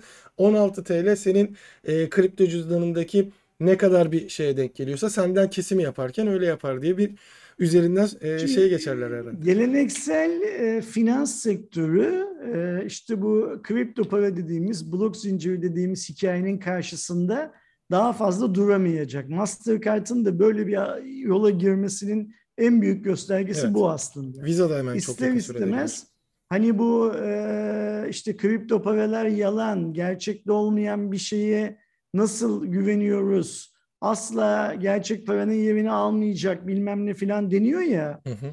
Ona bakarsak banknotlar da çok gerçek değil. Yani dünyanın kağıt. herhangi bir yerindeki merkez bankasına yeterli seviye oranda kağıt ve yeterli oranda boya tedarik edebilirsen istediğin kadar şey basabiliyor. Banknot basabiliyor sana. O yüzden e, işin şakası bir yana Mastercard gibi dünyadaki e, geleneksel para transfer sistemlerinin çok önemli bir düğümünü oluşturan bir şirket bile kripto paralarla ilgili e, bir çözüm üretme çabasına girdiyse artık e, biz Türkiye'de çok daha uzun süre kripto paralarla alışverişi yasaklayamayız. E, kripto paralara öcü gözüyle bakamayız ve bir an önce bunun yasal altyapısını yapıp nasıl kullanılabileceği konusundaki e, düzenlemeleri hayata geçirmemiz gerekiyor gibime geliyor. İnşallah benim söylediğim şeyleri kripto parayla iç içe olan bir yerin insanın benden çok çok daha uzun süreden beri ima ettiği, söylediği şeyleri e, kanun yapıcımız da şey yapıyordur, ne derler, görüyordur. Ya da en azından şu Mastercard'ın böyle bir kredi kartı çabasında olduğunu duydukları zaman e, biz bu kredi kartıyla gelen turiste Türkiye'de ne yapacağız sorusu onların da kafasında şöyle bir dönmüştür, dolaşmıştır diyelim. Ya orada galiba şey de olacak. Bu dijital e, para muhabbeti de var ya Türkiye'nin kendi oluşturmak istediği Dicili ve. E, büyük ihtimalle ondan sonra o düzenlemeyi yapacaklar. Yani önce biz bir sahnemizi alalım. Ona göre kendi üzerlerinden bir düzenleme olur diye bekliyorum. Ama direnemezler tabii ki. Hani böyle bu kadar genişleyen artık hani e, büyüyecek değil büyümüş bir e, sektörde ya da böyle bir para birimi diyebileceğimiz bir şeyde e, duracaklarını da sanmıyorum. Bakalım yani Vallahi ne zaman şey olacak. Dünya çok hızlı gidiyor. Hiç kimse hiç kimse onun herhangi bir şey yapmasını beklemiyor. Eğer hani biz o Merkez Bankası'nın dijital lira projesi çıksın da sonradan bu işlerle uğraşırız diye bekliyorsak bence kaybeden biz oluruz. Dünyanın geri kalanı olmaz. Evet. Sony'ye geldiğimde ise e, Xperia 1 Pro e, Ay. Bu sefer 1 değil o Mark 1 şey değil. Xperia Pro Ay ile e, yeni bir cihazını tanıttı. Zaten geçen hafta için e, söylemiştik hani bir silsile olacağını daha doğrusu 2 hafta önce. Türkiye saatiyle tabi sabah 6'daydı e, Japonya'ya göre yaptıkları için. Ama tek bir cihaz çıktı ve e, Pro serisine ayrı bir e, şey getirdi Sony. Yine böyle sınırları zorlamaya çalıştığı bir telefon diyebiliriz. Çünkü e, donanımsal olarak böyle e, amiral gemilerinden çok farklı olmasa da e, RX100 e, Mark e, kaç oluyor? 7 e, kompakt cihazındaki aynı sensörü e, telefona getirdi ve biliyorsunuz Sony'nin e, dijital ve DSLR kameralarında görüntü işleme için ayrıca bir Exmor RS e, sensörü vardır ya da nasıl diyeyim işlem birimi vardır. Bunu da mobile getirmeyi başardı. Gerçekten artık dijital bir e, kompa, yani kompakt dijital bir e, kamera e, size sunuyor ve arama yapabiliyorsunuz gibi bir durum oluyor. Daha önce Sony, yani Samsung'un falan denediğini artık gerçekten bir telefon forumunda Sony sunabiliyor. Teknik özelliklerine baktığımızda 6.5 inçlik 120 Hz tazeleme hızı sunan 4K AMOLED bir ekranımız var. Snapdragon 888 ile geliyor. 12 GB RAM, 512 GB depolama. Arkada 3 adet 12, önde 1 adet 12 e, sensörlerimiz var. Ana kamera ve e, telefoto lensinde OIS'te desteği var. Geniş açıda yok sadece. Ama tabii ki burada e, video ve e, fotoğraf performansında yine gözden odak alabilme, RAW formatına video çekebilme, birçok şey yapabilme. Yani gerçekten elinizde bir Sony taşınabilir kamera size sunuyor ki vurguyu da telefon değil kamera olarak yaptılar. 4500 mAh bataryanız var. 30 Watt'la şarj ediliyor. Ve ayrıca Sony Vlog Monitör isimli bir aksesuar seti de var eğer satın almak isterseniz. 3.5 e, inçlik bir LCD ekran veriyorlar size. Bunu Type-C'den bağlayabiliyorsunuz ve aslında ana kameraları kendinize çevirip bir vlog kamerası olarak kullanabilmenizi e, olanak tanıyor. Bunların ekstradan işte e, mikrofon aparatı var e, daha önceki kendi o vlog kamerası olarak çıkardıkları Bluetooth e, şeyini kumandasını aynı zamanda tripod olarak kullanılabilen kumandayı da burada kullanabiliyorsunuz gibi böyle gerçekten çok ayrı bir şey ortaya çıkardılar ve e, vlog monitör aksesuarları olmadan 1800 euro bir fiyatı var tabii ki Sony'nin yine orada da yapacağını yapmış adamlar. Valla üzerinde çok konuşulacak bir şey değil yani Sony sanki deneysel takılıyor gibi. Hı hı. Ee, bilmiyorum hani herhangi bir satış hedefi falan var mı cihazın? Hiç sanmıyorum ya. Ee, ama şey ile tabii ki bu fiyatla çok zor. Yani 1800 euroya cep telefonu çok zor bir şey. 1800 euroya kamera o kadar zor değil ama cep telefonu zor. Ve bu bir cep telefonu. Yani bunu da unutmamak lazım. Kamera görüntüsü kameraya gibi görünse de aslında bir cep telefonu. Onu unutmamak lazım. Ee, eskiden Sony e, kompaktlar çıkartıyordu. hani bunun da belki kompakt çıkar.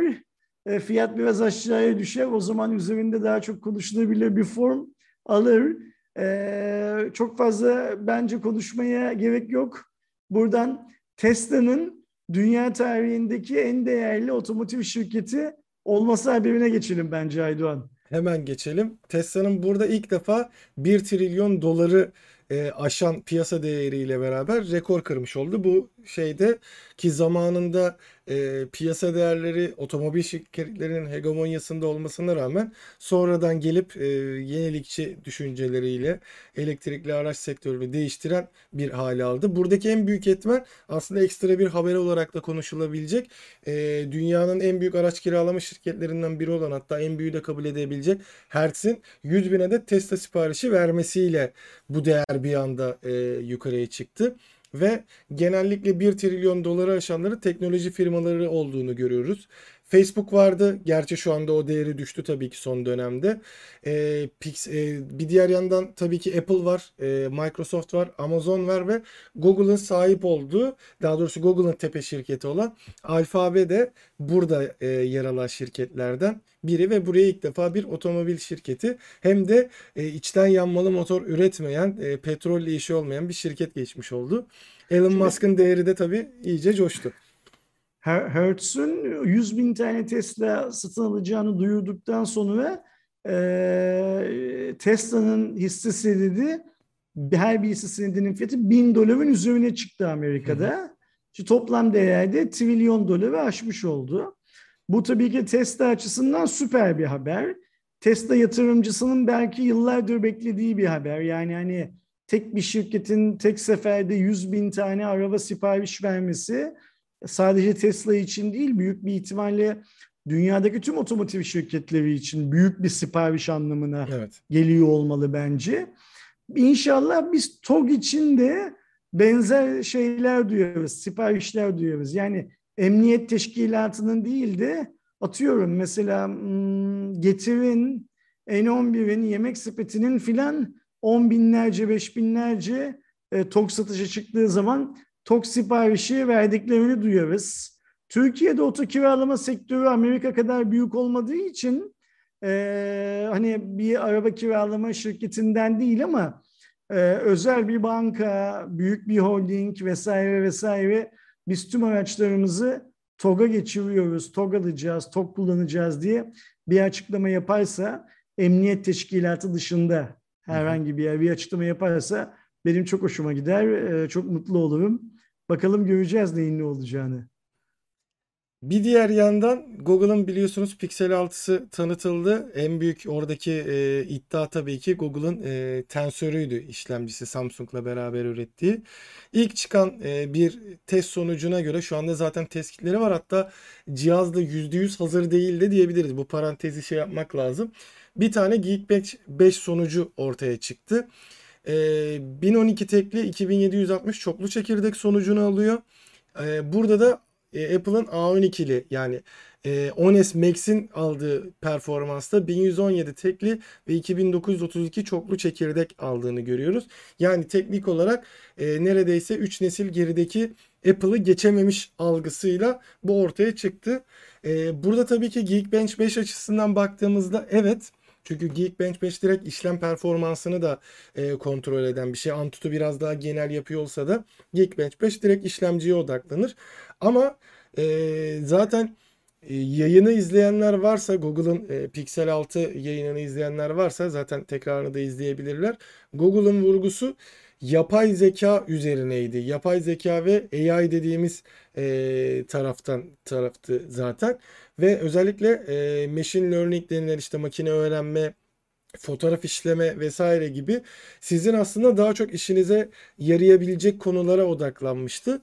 Hani ben buradan bir e, tabii ki ilk örnek olduğu için e, şaşırtıcı bir durum bu kadar düşük çıkması. Yani düşük değil aslında da sonuçta e, işlem performansı açısından 3 nesil geriden e, ortaya çıkan bir şey olması bir kafamı kurcalasa da odaklandıkları şeyde neler yaptığını görüp karar vermekte daha doğru olur diye düşünüyorum.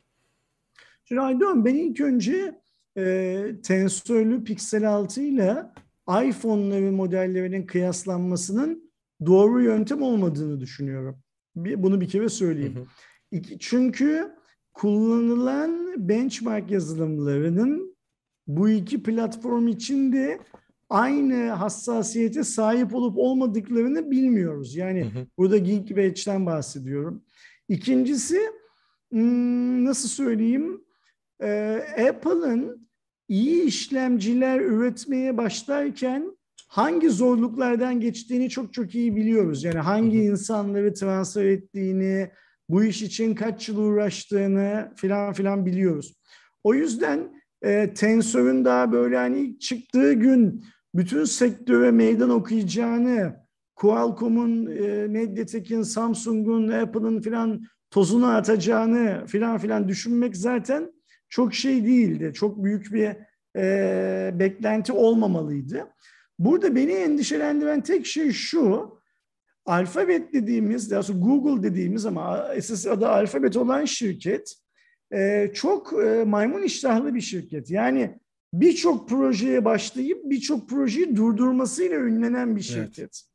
Evet. E, tensörle eğer e, sebat edip yani sebat etmekten kastım şu Apple'ın yaptığı gibi ya da Mediatek'in yaptığı gibi uzun bir zaman epey bir bütçe harcayıp bu işte uğraşmayı kafaya koymadıysa tensör çalışmalarını her an durdurup aman bana ne be ben zaten Xiaomi'nin Samsung'un sattığı cihazlardan haracımı alıyorum. Hani Android fee olarak haracımı alıyorum.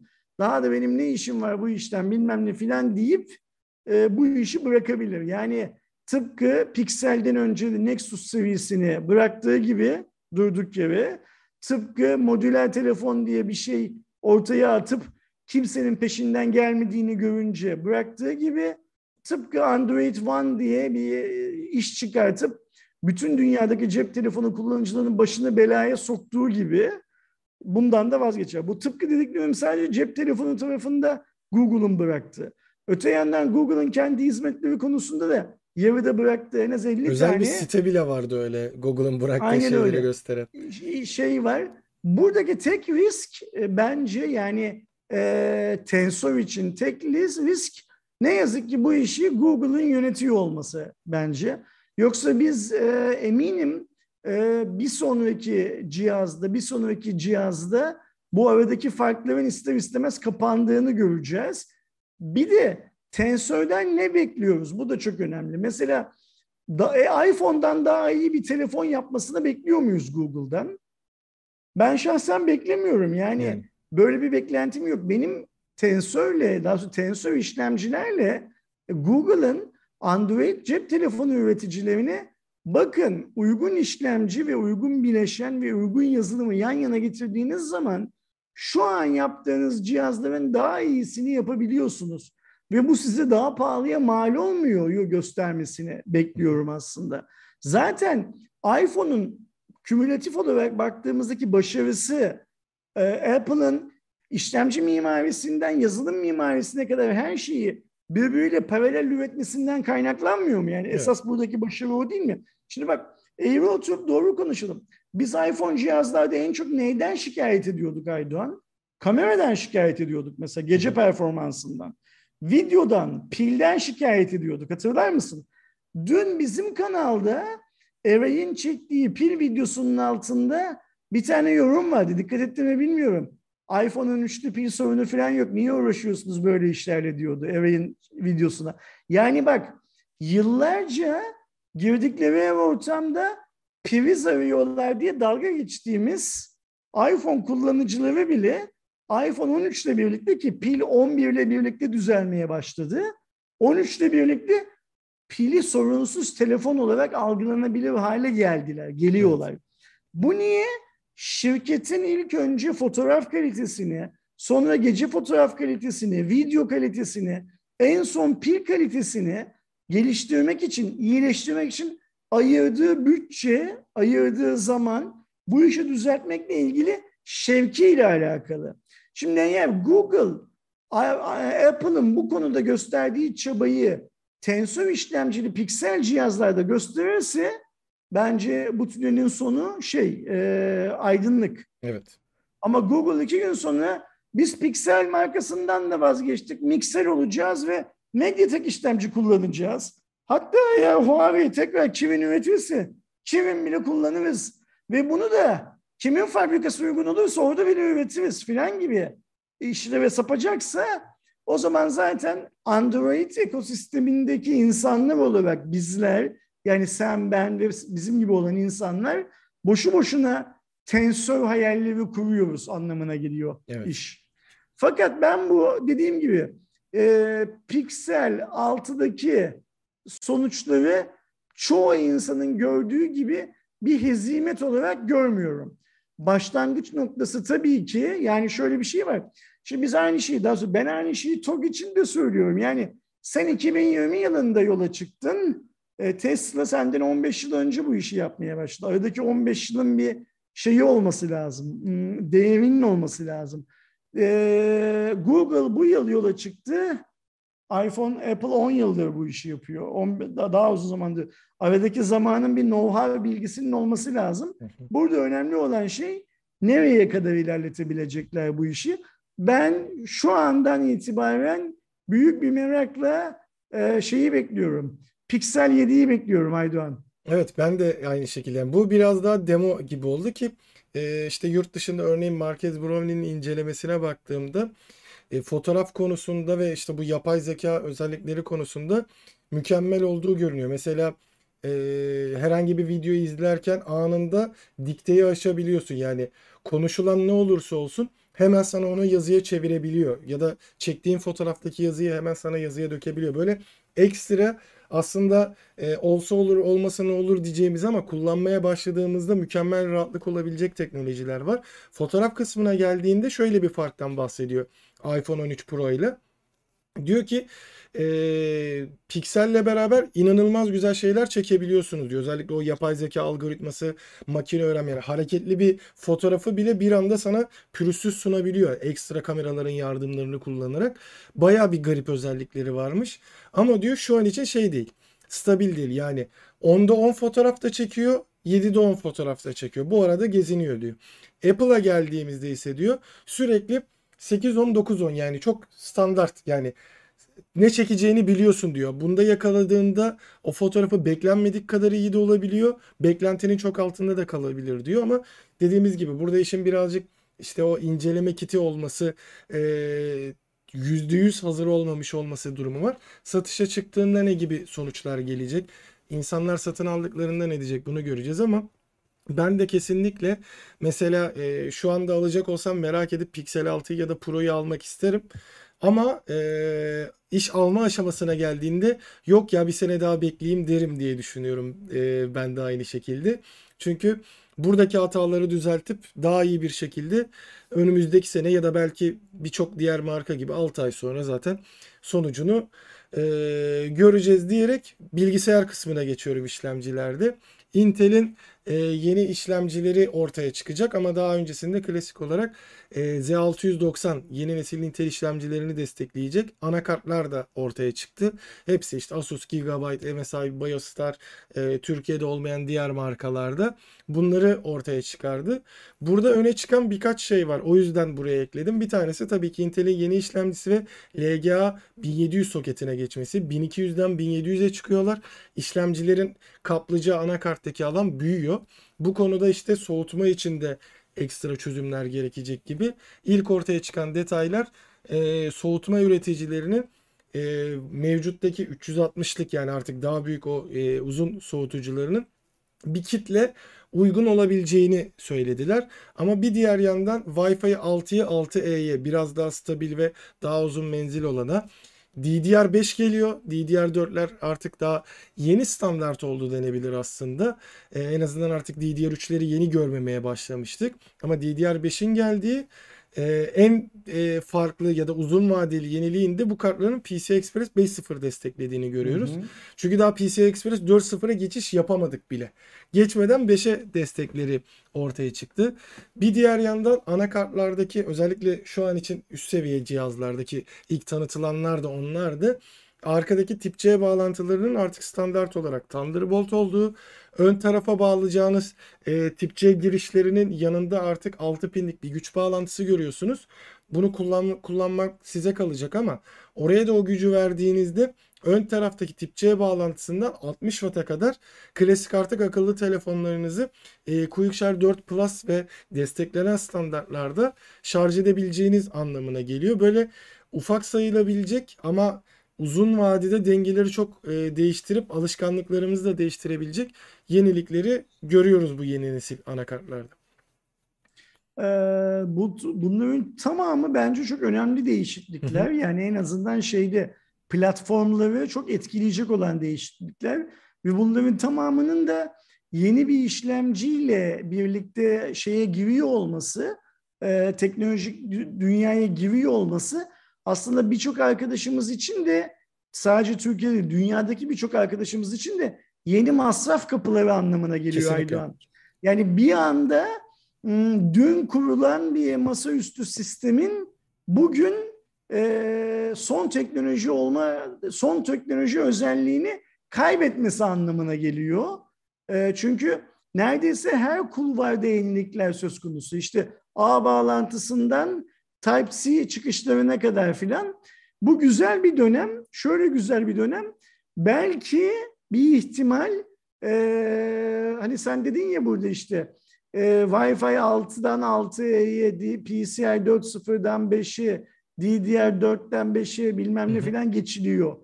Bu eski olanların hepsinde belki fiyatlar biraz cazip hale gelebilir bir anlamda. Olabilir. Yenilerini sektör şey yaparken, geliştirmeye çalışırken bu da e, benim gibi Türkiye'de yaşayan ve e, bir dolar karşılığında neredeyse 10 lira vermek zorunda olan herkesi mutlu eder. Evet yani zaten burada kısa vadede de bir genel dönüşüm olabilir. Çünkü baktığımızda şimdi soket değişiyor. Yani e, şu anda Intel işlemci kullan. Zaten AMD kullananlar Intel'e geçmek isterse zaten şey yapması lazım, değiştirmesi lazım da. Normalde nasıl olurdu belli dönemlerde? Sen işlemcini yenilerdin, e, ekran kartını yenilendin, işte RAM'i 8'den 16'ya 16'dan 32'ye çıkartırdın kendi ihtiyacına göre. Burada e, yeni nesle geçmek isteyenleri komple yenilenmesi lazım. Çünkü hı hı.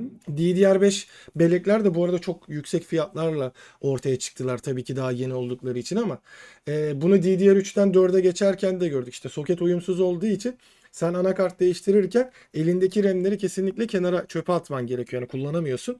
Burada da o geçiş döneminde ee, biraz böyle bir sancı olabilir yani insanlar ya Intel'in işte 12. nesil e, Elder Lake S işlemcileri çok iyi ben artık e, işim gereği bunu değiştirmem gerek dediğinde sadece işte 3000'e 5000'e ne kadar olacaksa işlemciyi değiştirmek değil bütün sistemi yenilemesi gerekecek. Büyük ihtimalle kullandığı e, güç kaynağı bile sisteme yeterli seviyede aldıysa onu da değiştirmesi gerekecek ve e, toplamda böyle 20-30 bin lira varan bir yatırım yapması gerekecek gibi durum var. Ama bir diğer yandan en azından e, sistemini düşük tutmuş insanlar da dediğin gibi o fiyat düşmesinden dolayı işte sallıyorum e, DDR5'e geçenin 4'ü kullanamayacak olmasından dolayı vesaire gibi etmenlerle en azından belki de ikinci el piyasasında sonrasında tabii ki sıfır ürünlerde de fiyat düşüşü görüp e, istedikleri performansa daha ucuz e, yakalamalarını da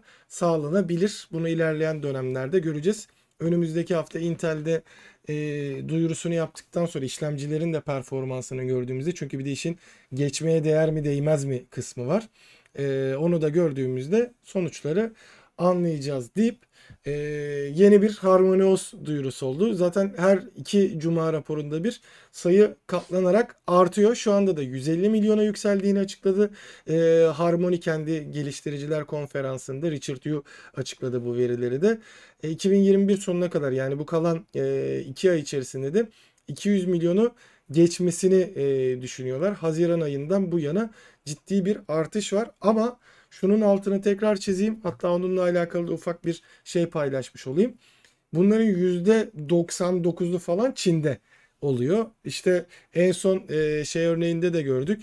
Biz Nova 9'a giderken hatta Cuma raporunda konuşurken kendi aramızda konuşurken artık bir e, Harmony'yi telefonda deneyimleyebileceğiz derken e, Çin'de Harmony olan cihaz burada Android tabanlı EMUI 12 ile beraber geldi. Globale çıkmadan kendi içinde birazcık e, gazlamasıyla da olabilecek bu sayılara ulaşıyor. Tabi bir diğer yandan e, en hızlı şekilde uğraşan tarihin en çok büyüyen işletim sistemi oldu bu. Bu açıdan e, dikkat edilesi bir şey ama dediğimiz gibi hani tarihin en çok büyüyen e, işletim sistemini, en çok kişiye ulaşmaya başlayan işletim sistemini globalde göremiyoruz. Yani Çin sınırları dışında, geliştiriciler dışında e, ya ben şu anda Harmony'yi kullanmak istiyorum dediğinizde kullanamayacağınız bir döngüde bunu yapmış Şimdi oldunuz. Sen çok kibar anlatıyorsun. Ben bunu biraz daha böyle şey ne derler arkadaşlarımızın daha rahat anlayacağı şekilde anlatayım. Şimdi bu hafta Çin'de yapılan e, Huawei'nin geliştiriciler toplantısında Huawei'nin en yetkili zatı muhteremi çıktı dedi ki şu an itibariyle HarmonyOS kullanan cihaz sayısı dünyada 150 milyonu aştı dedi. Ve yıl sonu itibariyle yani şurada iki ay var. Yıl sonu itibariyle de 200 milyonu aşacak. Beklentimiz bu dedi. Ve e, dünya tarihinde en hızlı büyüyen işletim sistemi oluyoruz dedi şu rakamlarla. Ancak Çin Seddi'nin dışında HarmonyOS'u gören yok. Yani e, 150 milyon cihazda HarmonyOS var diyoruz ama Nova 9'da Harmonios yok. İş Sadece MatePad'de var mesela bizde. Yani Harmonios bir ya bir Çin efsanesi ee, öyle ya göremiyoruz. Elle, şimdi şöyle bir şey var. Elle tutulan gözle görülmeyen şeylere e, insanların inancı her zaman elle tutulan gözle görülen şeyleri olandan biraz daha zor olmuştur ya. Hı hı. Biz ve sadece senle ben değil bütün dünya e, Nova 9'da Harmony beklerken ve bu adamlar bu cihazı Çin'de zaten Harmony ile çıkarmışken e, Avrupa lansmanında Harmony yok. Sorduğun zaman sana verdikleri cevap e, Harmony olacak demedik ki şey e, benzer bir cevap. Abicim demedin de sen bu malı kendi memleketinde harmoniyle çıkarttın. Yani ben e, Xiaomi'nin e, Çin'de çıkarttığı Android'li cihazın Almanya'da Android'li olup olmayacağını merak etmiyorum ki. Amerika'da çıkan iPhone'un, iOS'ta iPhone'un Almanya'da iOS'ta mı çıkacak, başka bir şeyle mi çıkacak olduğunu merak etmiyorum ki. Ya da daha fazla örnek, farklı örnek, biz Philips TV'nin e, sadece Hollanda'da Android tabanlı satıldığını, dünyanın başka yerlerinde başka işletim sistemleriyle satılacağını düşünmüyoruz. LG'nin e, Kore'de Webos'la çıkan telefonu Türkiye'de e, şey televizyonu Türkiye'de Webos'lu mu olacak, Webos'suz mu olacak diye e, kafa yormuyoruz. O yüzden de Huawei'nin Çin'de HarmonyOS'la çıkarttığı cihazın Almanya'da ya da Türkiye'de HarmonyOS'suz mu olacak, HarmonyOS'lu mu olacak diye düşünmememiz gerekiyordu aslında. Evet. Yani sen ha, ha, Huawei olarak e, ben bunu Avrupa'da Harmony ile çıkartacağım diye kimseye söz vermedim, bir açıklama yapmadım diyerek işin içinden sıyrılamazsın ki. Evet. Bu malın orijinali harmonili. Senin harmonisiz çıkarttığın cihaz o mal değil aslında. Farklı bir mal. Senin öncelikle bunu kabul etmen lazım şey olarak. O yüzden şimdi Huawei diyor ki 150 milyon kullanıcıya ulaştık. 200 milyon kapıda ama sen bir Türk olarak, sen bir Alman olarak, sen bir Fransız olarak al Nova 9'u harmonisiz kullan. Yersen yersin, yemezsen de yoluna devam edersin diyor insanlara. Biz bu şartlar altında yolumuza devam edenlerden tarafta olacağız büyük bir ihtimalle. E, çünkü niye? O özgür ve bağımsız olan Honor'da aynı cihazın harbi Android'lisini çıkartıyor bir yandan. yani, yani hani hadi bakalım şimdi bu deveden geçecek misin? Bu devede boğulacak mısın Huawei? Sen karar ver ne bok yiyeceğine. Yani hani e, yandı gülüm keten elma durumu söz konusu. E, çünkü bunun e, harmonili olacağının sözünü ben vermedim ki derken Honor'da babalar gibi Google servisleriyle birlikte 5G desteğiyle ben aynı cihazın e, tüm dünyada aynı versiyonunu çıkartıyorum diyor bir yandan da. E, bence burada birileri birilerini kandırıyor. E, biz kandırılan tarafta olmayalım. Yani biz dediğim HVP'nin e, Cuma raporunu izleyenler neyin ne olduğunu bilsinler, ona göre kararlarını versinler. Kesinlikle. Bir de şu bilgiyi de geçeyim. Bu cihaz diye vurgulanmasının sebebi de tabii ki 150 milyon telefon değil. Ee, mesela e, şu anda aslında şey verisi de paylaşmaları gerekirdi. En azından globalde ne kadar kullanılıyor. Çünkü işte bizim kullandığımız Watch 3 saatler Harmony OS'lu geliyor. İşte MatePad 11 Harmony OS'lu geliyor. Ama e, işte bu cihazların yani sonuçta şimdi bunda Harmony OS'un olup olmaması benim gözümde bir şeyi değiştiremiyor. Neden? Çünkü bana o telefon lazım ki onunla beraber neler yapılabildiğini göreyim. E, tamam EMUI 12'de bir işte e, röportaja bakabilirsiniz. Kaan da diyor ki bir geçiş cihazı. Hani birçok özellikleri en azından sizin ilk göreceğiniz özellikleri burada Olmaz da kullanabiliyorsunuz. Olmaz Aydan öyle öyle geçiş Değil. cihazı geçiş cihazı falan o cihazın Aynen. geçilmiş hali var zaten. Yani Çinli geçmiş ama Türk için Alman için geçiş cihazı olur mu? Olmaz. Yani Ki, e, e, bu bu iyi bir söylem değil. Bu iyi bir hareket de değil. Bizim bilmiyorum dünyanın diğer tarafındaki yayıncılar, Türkiye'deki bazı beslemeler falan nasıl şey yaparlar, nasıl yorumlarlar bunu ama bu bizim Hardware Plus olarak şey yapabileceğimiz işte bu bir geçiş cihazıydı bilmem neydi filan filan gibi e, bazı nasıl söyleyeyim e, katmanların arkasına saklayacağımız bir şey değil. Yani bu geçiş cihazı ise Çin'de satılan ne o zaman?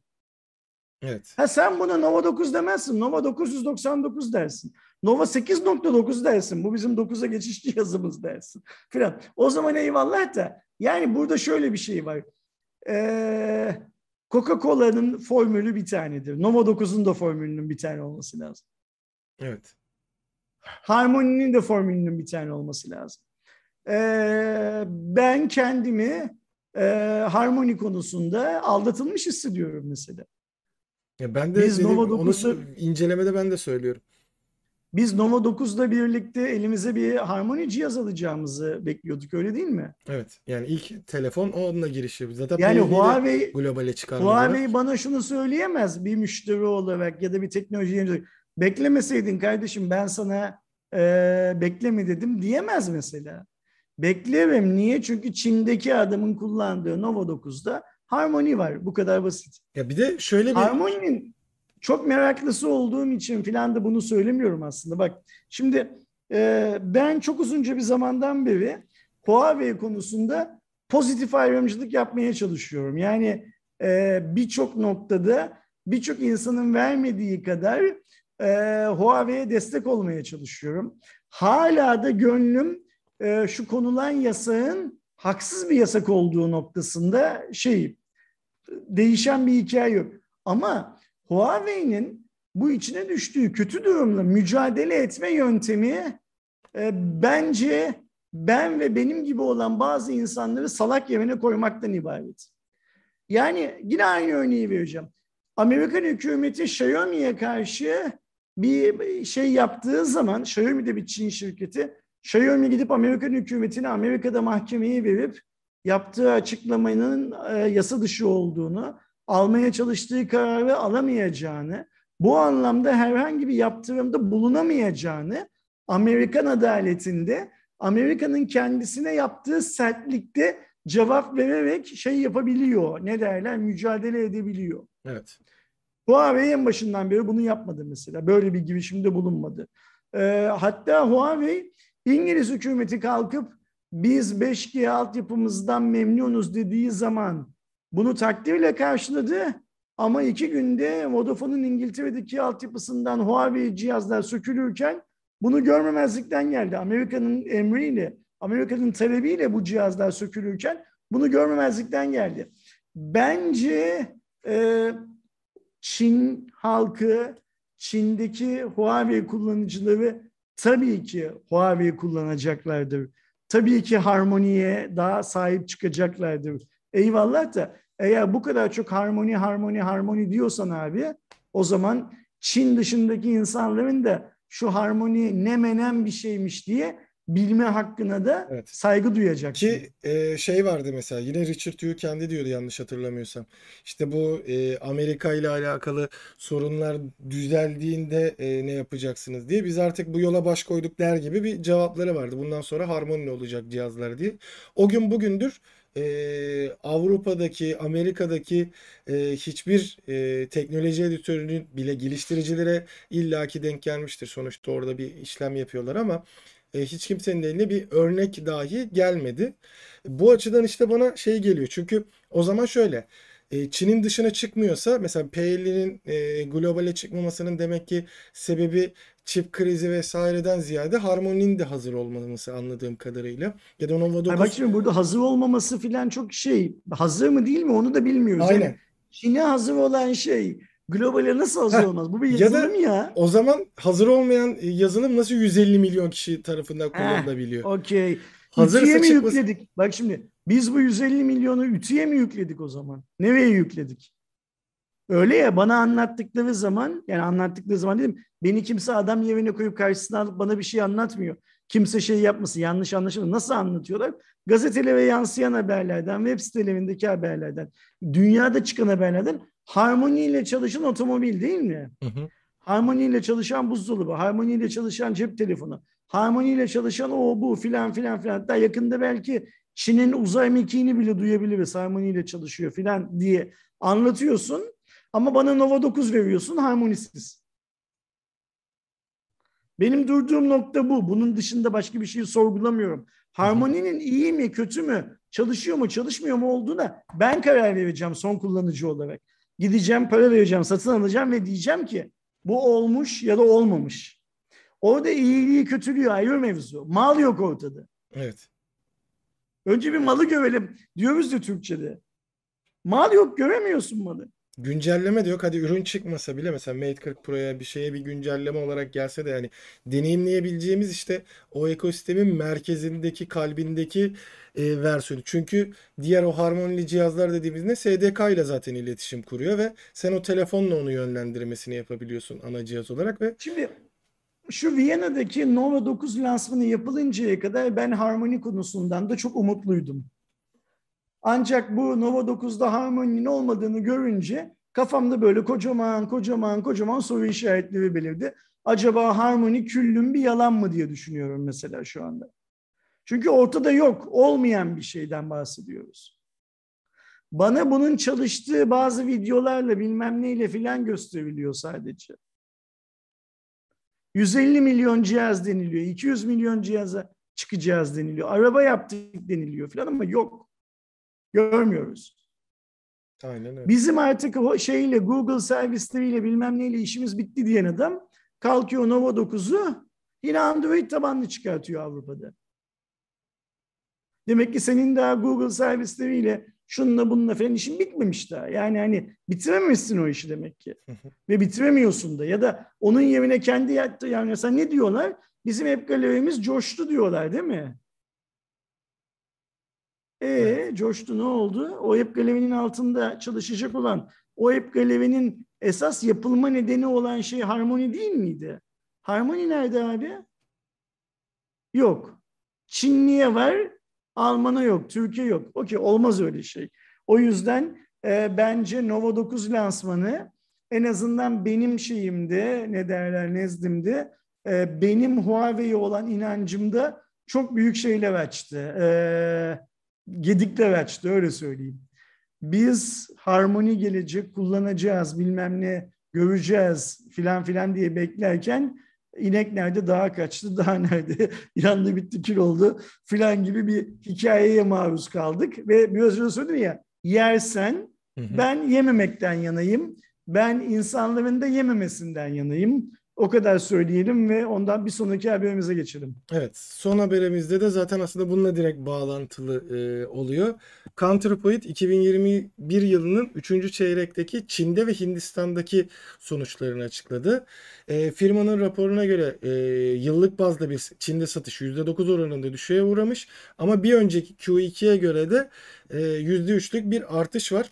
Buradaki sıralamaya baktığımızda toplamdan bahsediyorsun değil mi? Evet, evet. Bu toplamdı. Okay, tamam. Ee, buradaki sıralamaya yani Çin'in e, akıllı telefon market e, bölümlerine baktığımızda satışlarına birinci sırada %23 ile Vivo, ikinci sırada %20 ile e, Oppo, üçüncü sırada %15 ile e, Honor, e, dördüncü sırada %14 ile Xiaomi, e, sonrasında Apple, sonra Huawei ve geçen çeyrek %0 olan e, payını %4'e çıkaran Realme'yi görüyoruz e, tepelerde.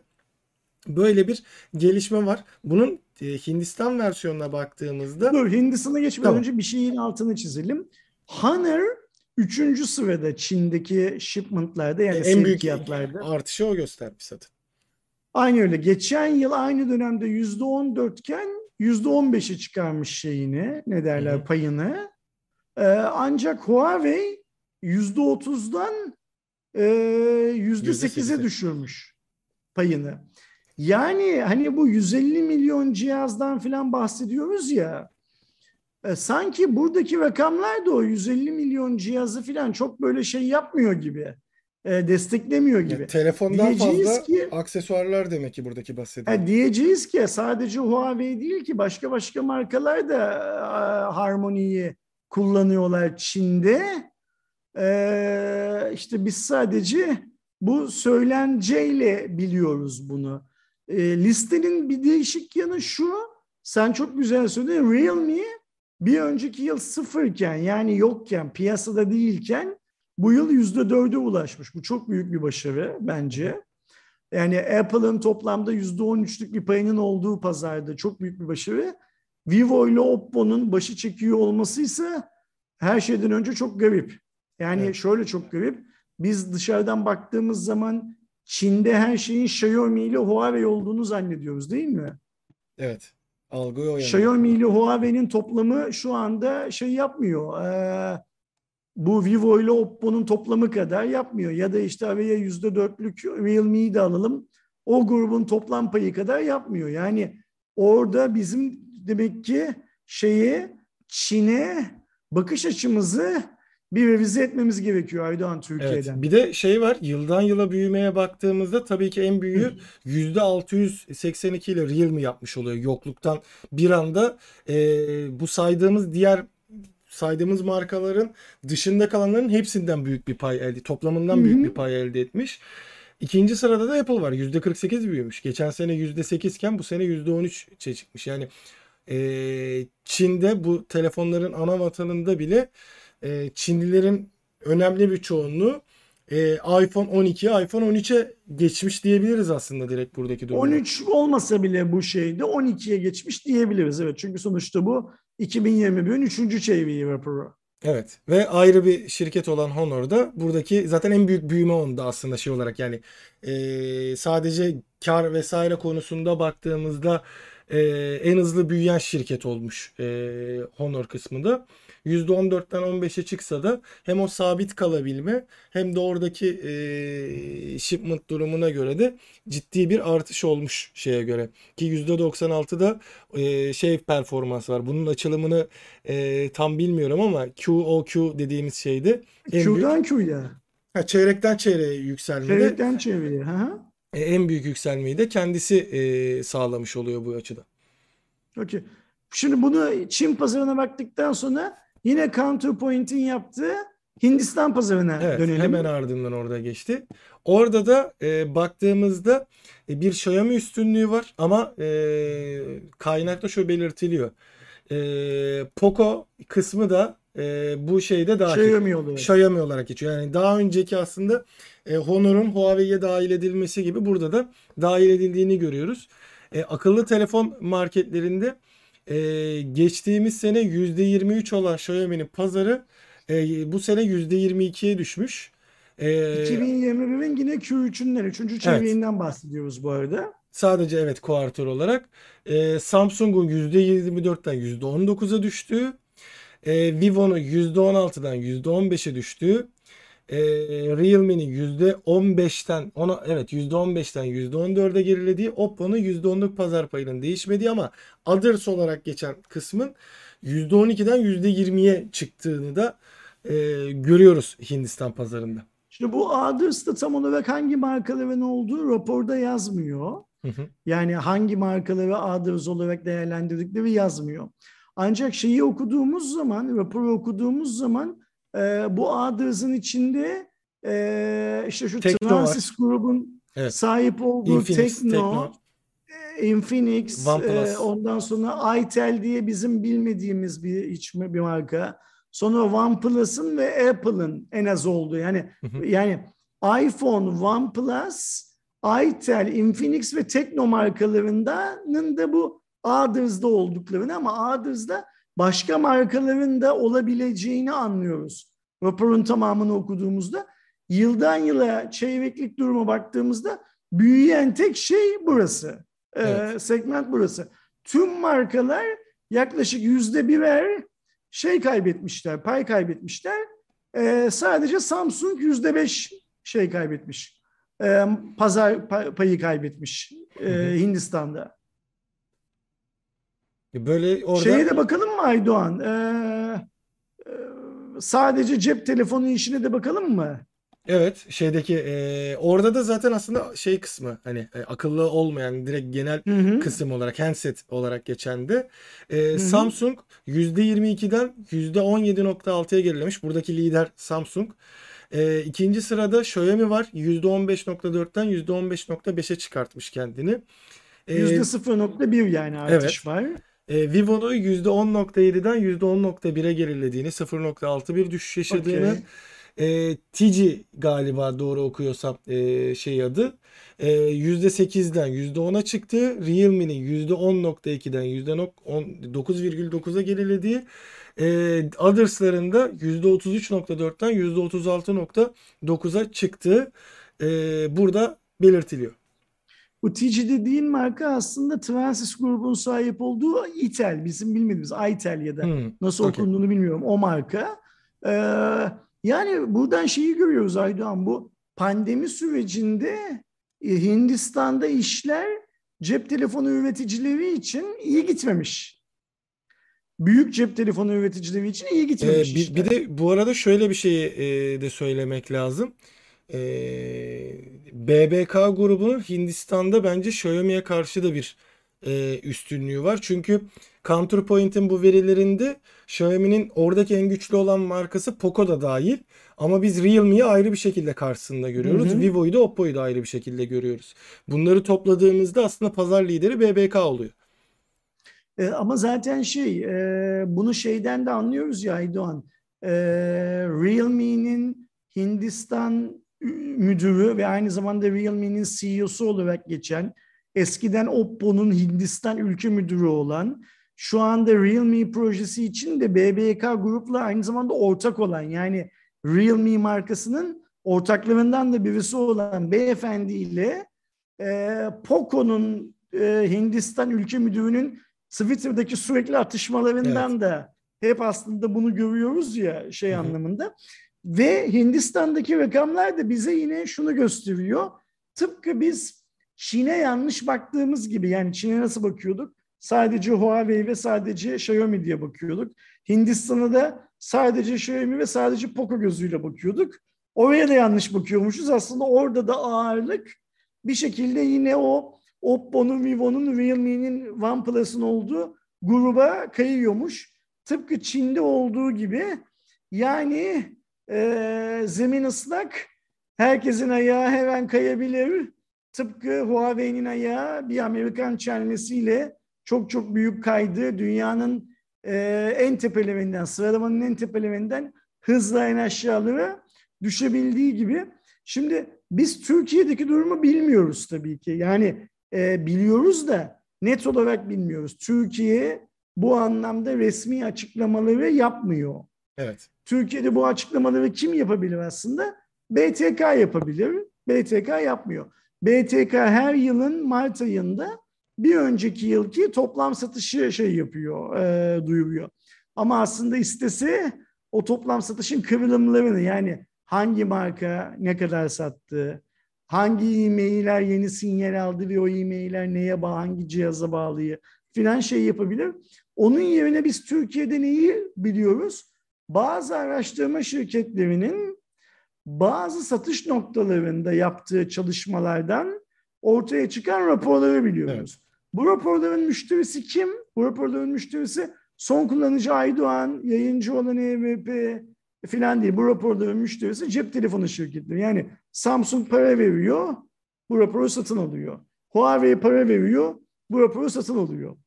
Ve bu raporları satın alırken de şöyle siparişlerde bildiğim kadarıyla bulunabiliyorlar. Şu fiyat gamıyla bu fiyat gamı arasında bilmem nerede en çok satılan cep telefonlarını listeler misiniz lütfen? Yani e, sen öyle bir şey listele ki ben birinci çıkayım orada. İyi alabiliyorlar. Şimdi cep telefonu pazarı henüz Türkiye'de bu anlamda çok regüle edilemediği için biz işte Counterpoint'in bilmem nenin filan yaptığı raporlara, açıkladıkları raporlara çok önem veriyoruz. Umarız en kısa zamanda Türkiye'de de ya bir araştırma şirketi ya devlet ya da bir cep telefonu üreticisi çıkıp işte bunu araştırma şirketi yapacaksa Türkiye'deki en çok satılan cep telefonları bu yıl şunlar şunlar şunlardır diye modelleriyle devlet yapacaksa Türkiye'ye ithal edilen cep telefonları bunlar bunlar bunlardır diye marka yapacaksa abicim benim ürünüm Mi 11T şey Mi 11 Lite ben bundan bu yıl 300 bin tane sattım atıyorum. En çok da bunu sattım atıyorum. Xiaomi bunu satmamıştı da bunu sattım. Varsa daha çok satan söylesin. Daha çok satan yoksa Türkiye'nin en çok satan cep telefonu budur arkadaş diyecekler ki son kullanıcı olarak insanlar da Türkiye'nin lider markasının hangisi olduğunu bilsinler. O yıl Türkiye'deki en çok satan markanın hangisi olduğunu bilsinler. Bu yapılmadığı sürece kulaktan kulağa oynarız. Nedir o kulaktan kulağa? Özel toplantılara davet edilen, özel yemeklere davet edilen insanlar yemek sonrasında alacakları hediyeyi de bilerek yemek arasında ya biz notu en çok Türkiye'de satıyoruz ha derler. Ama not bir yıl sonra dünyada üretimden kalkar. Hı hı. Zaten Türkiye'de filan da sattığı e, çok da gerçek değildir notun en çok. Yani Türk halkı S seviyesini alamazken not seviyesini mi en çok alacak? Daha pahalı olanı mı en çok alacak gibi bir hikaye vardır.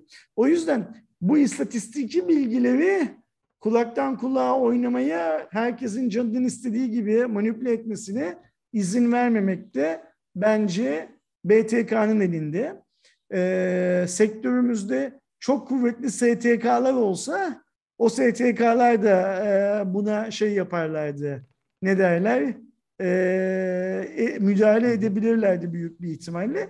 Ama sektörün STK'ları hava iyi olsun da piknik yapalım da uğraştıkları için böyle ciddi işlerle, daha böyle gereksiz fuzuli işlerle ilgilenecek çok fazla zamana da sahip değiller. Böylece 29 Ekim günü yaptığımız Cuma raporunu, kaçıncı Cuma raporuydu? Ee, 178 olmalı. 178. hatırlıyorsam. Cuma raporunu bitirdik. Hindistan'ın ve Çin'in rakamlarıyla bitirdik. İnşallah 179. da olmasa bile 279. da filan Türkiye'nin rakamlarını da sizlerle yine bir Cuma raporunda paylaşıyoruz. 100 hafta var Aydoğan, 2 yıl yapar. Belli olmaz. Kim Yani. öyle kim kala yani iki yılda belki sistemi değiştirecek bir iki delikanlı çıkar Türkiye'de. Biz de onlara şey yaparız, alkışlarız. Önümüzdeki hafta böyle Aydoğan'la uzak mesafede olmadığımız, yan yana stüdyomuzda koltuklarda oturacağımız yeni bir Cuma raporunda yine karşınızda olacağız. O zamana kadar kendinize iyi bakın. Hoşçakalın. Hoşçakalın. Türk milletinin karakteri yüksektir. Türk milleti çalışkandır. Türk milleti zekidir.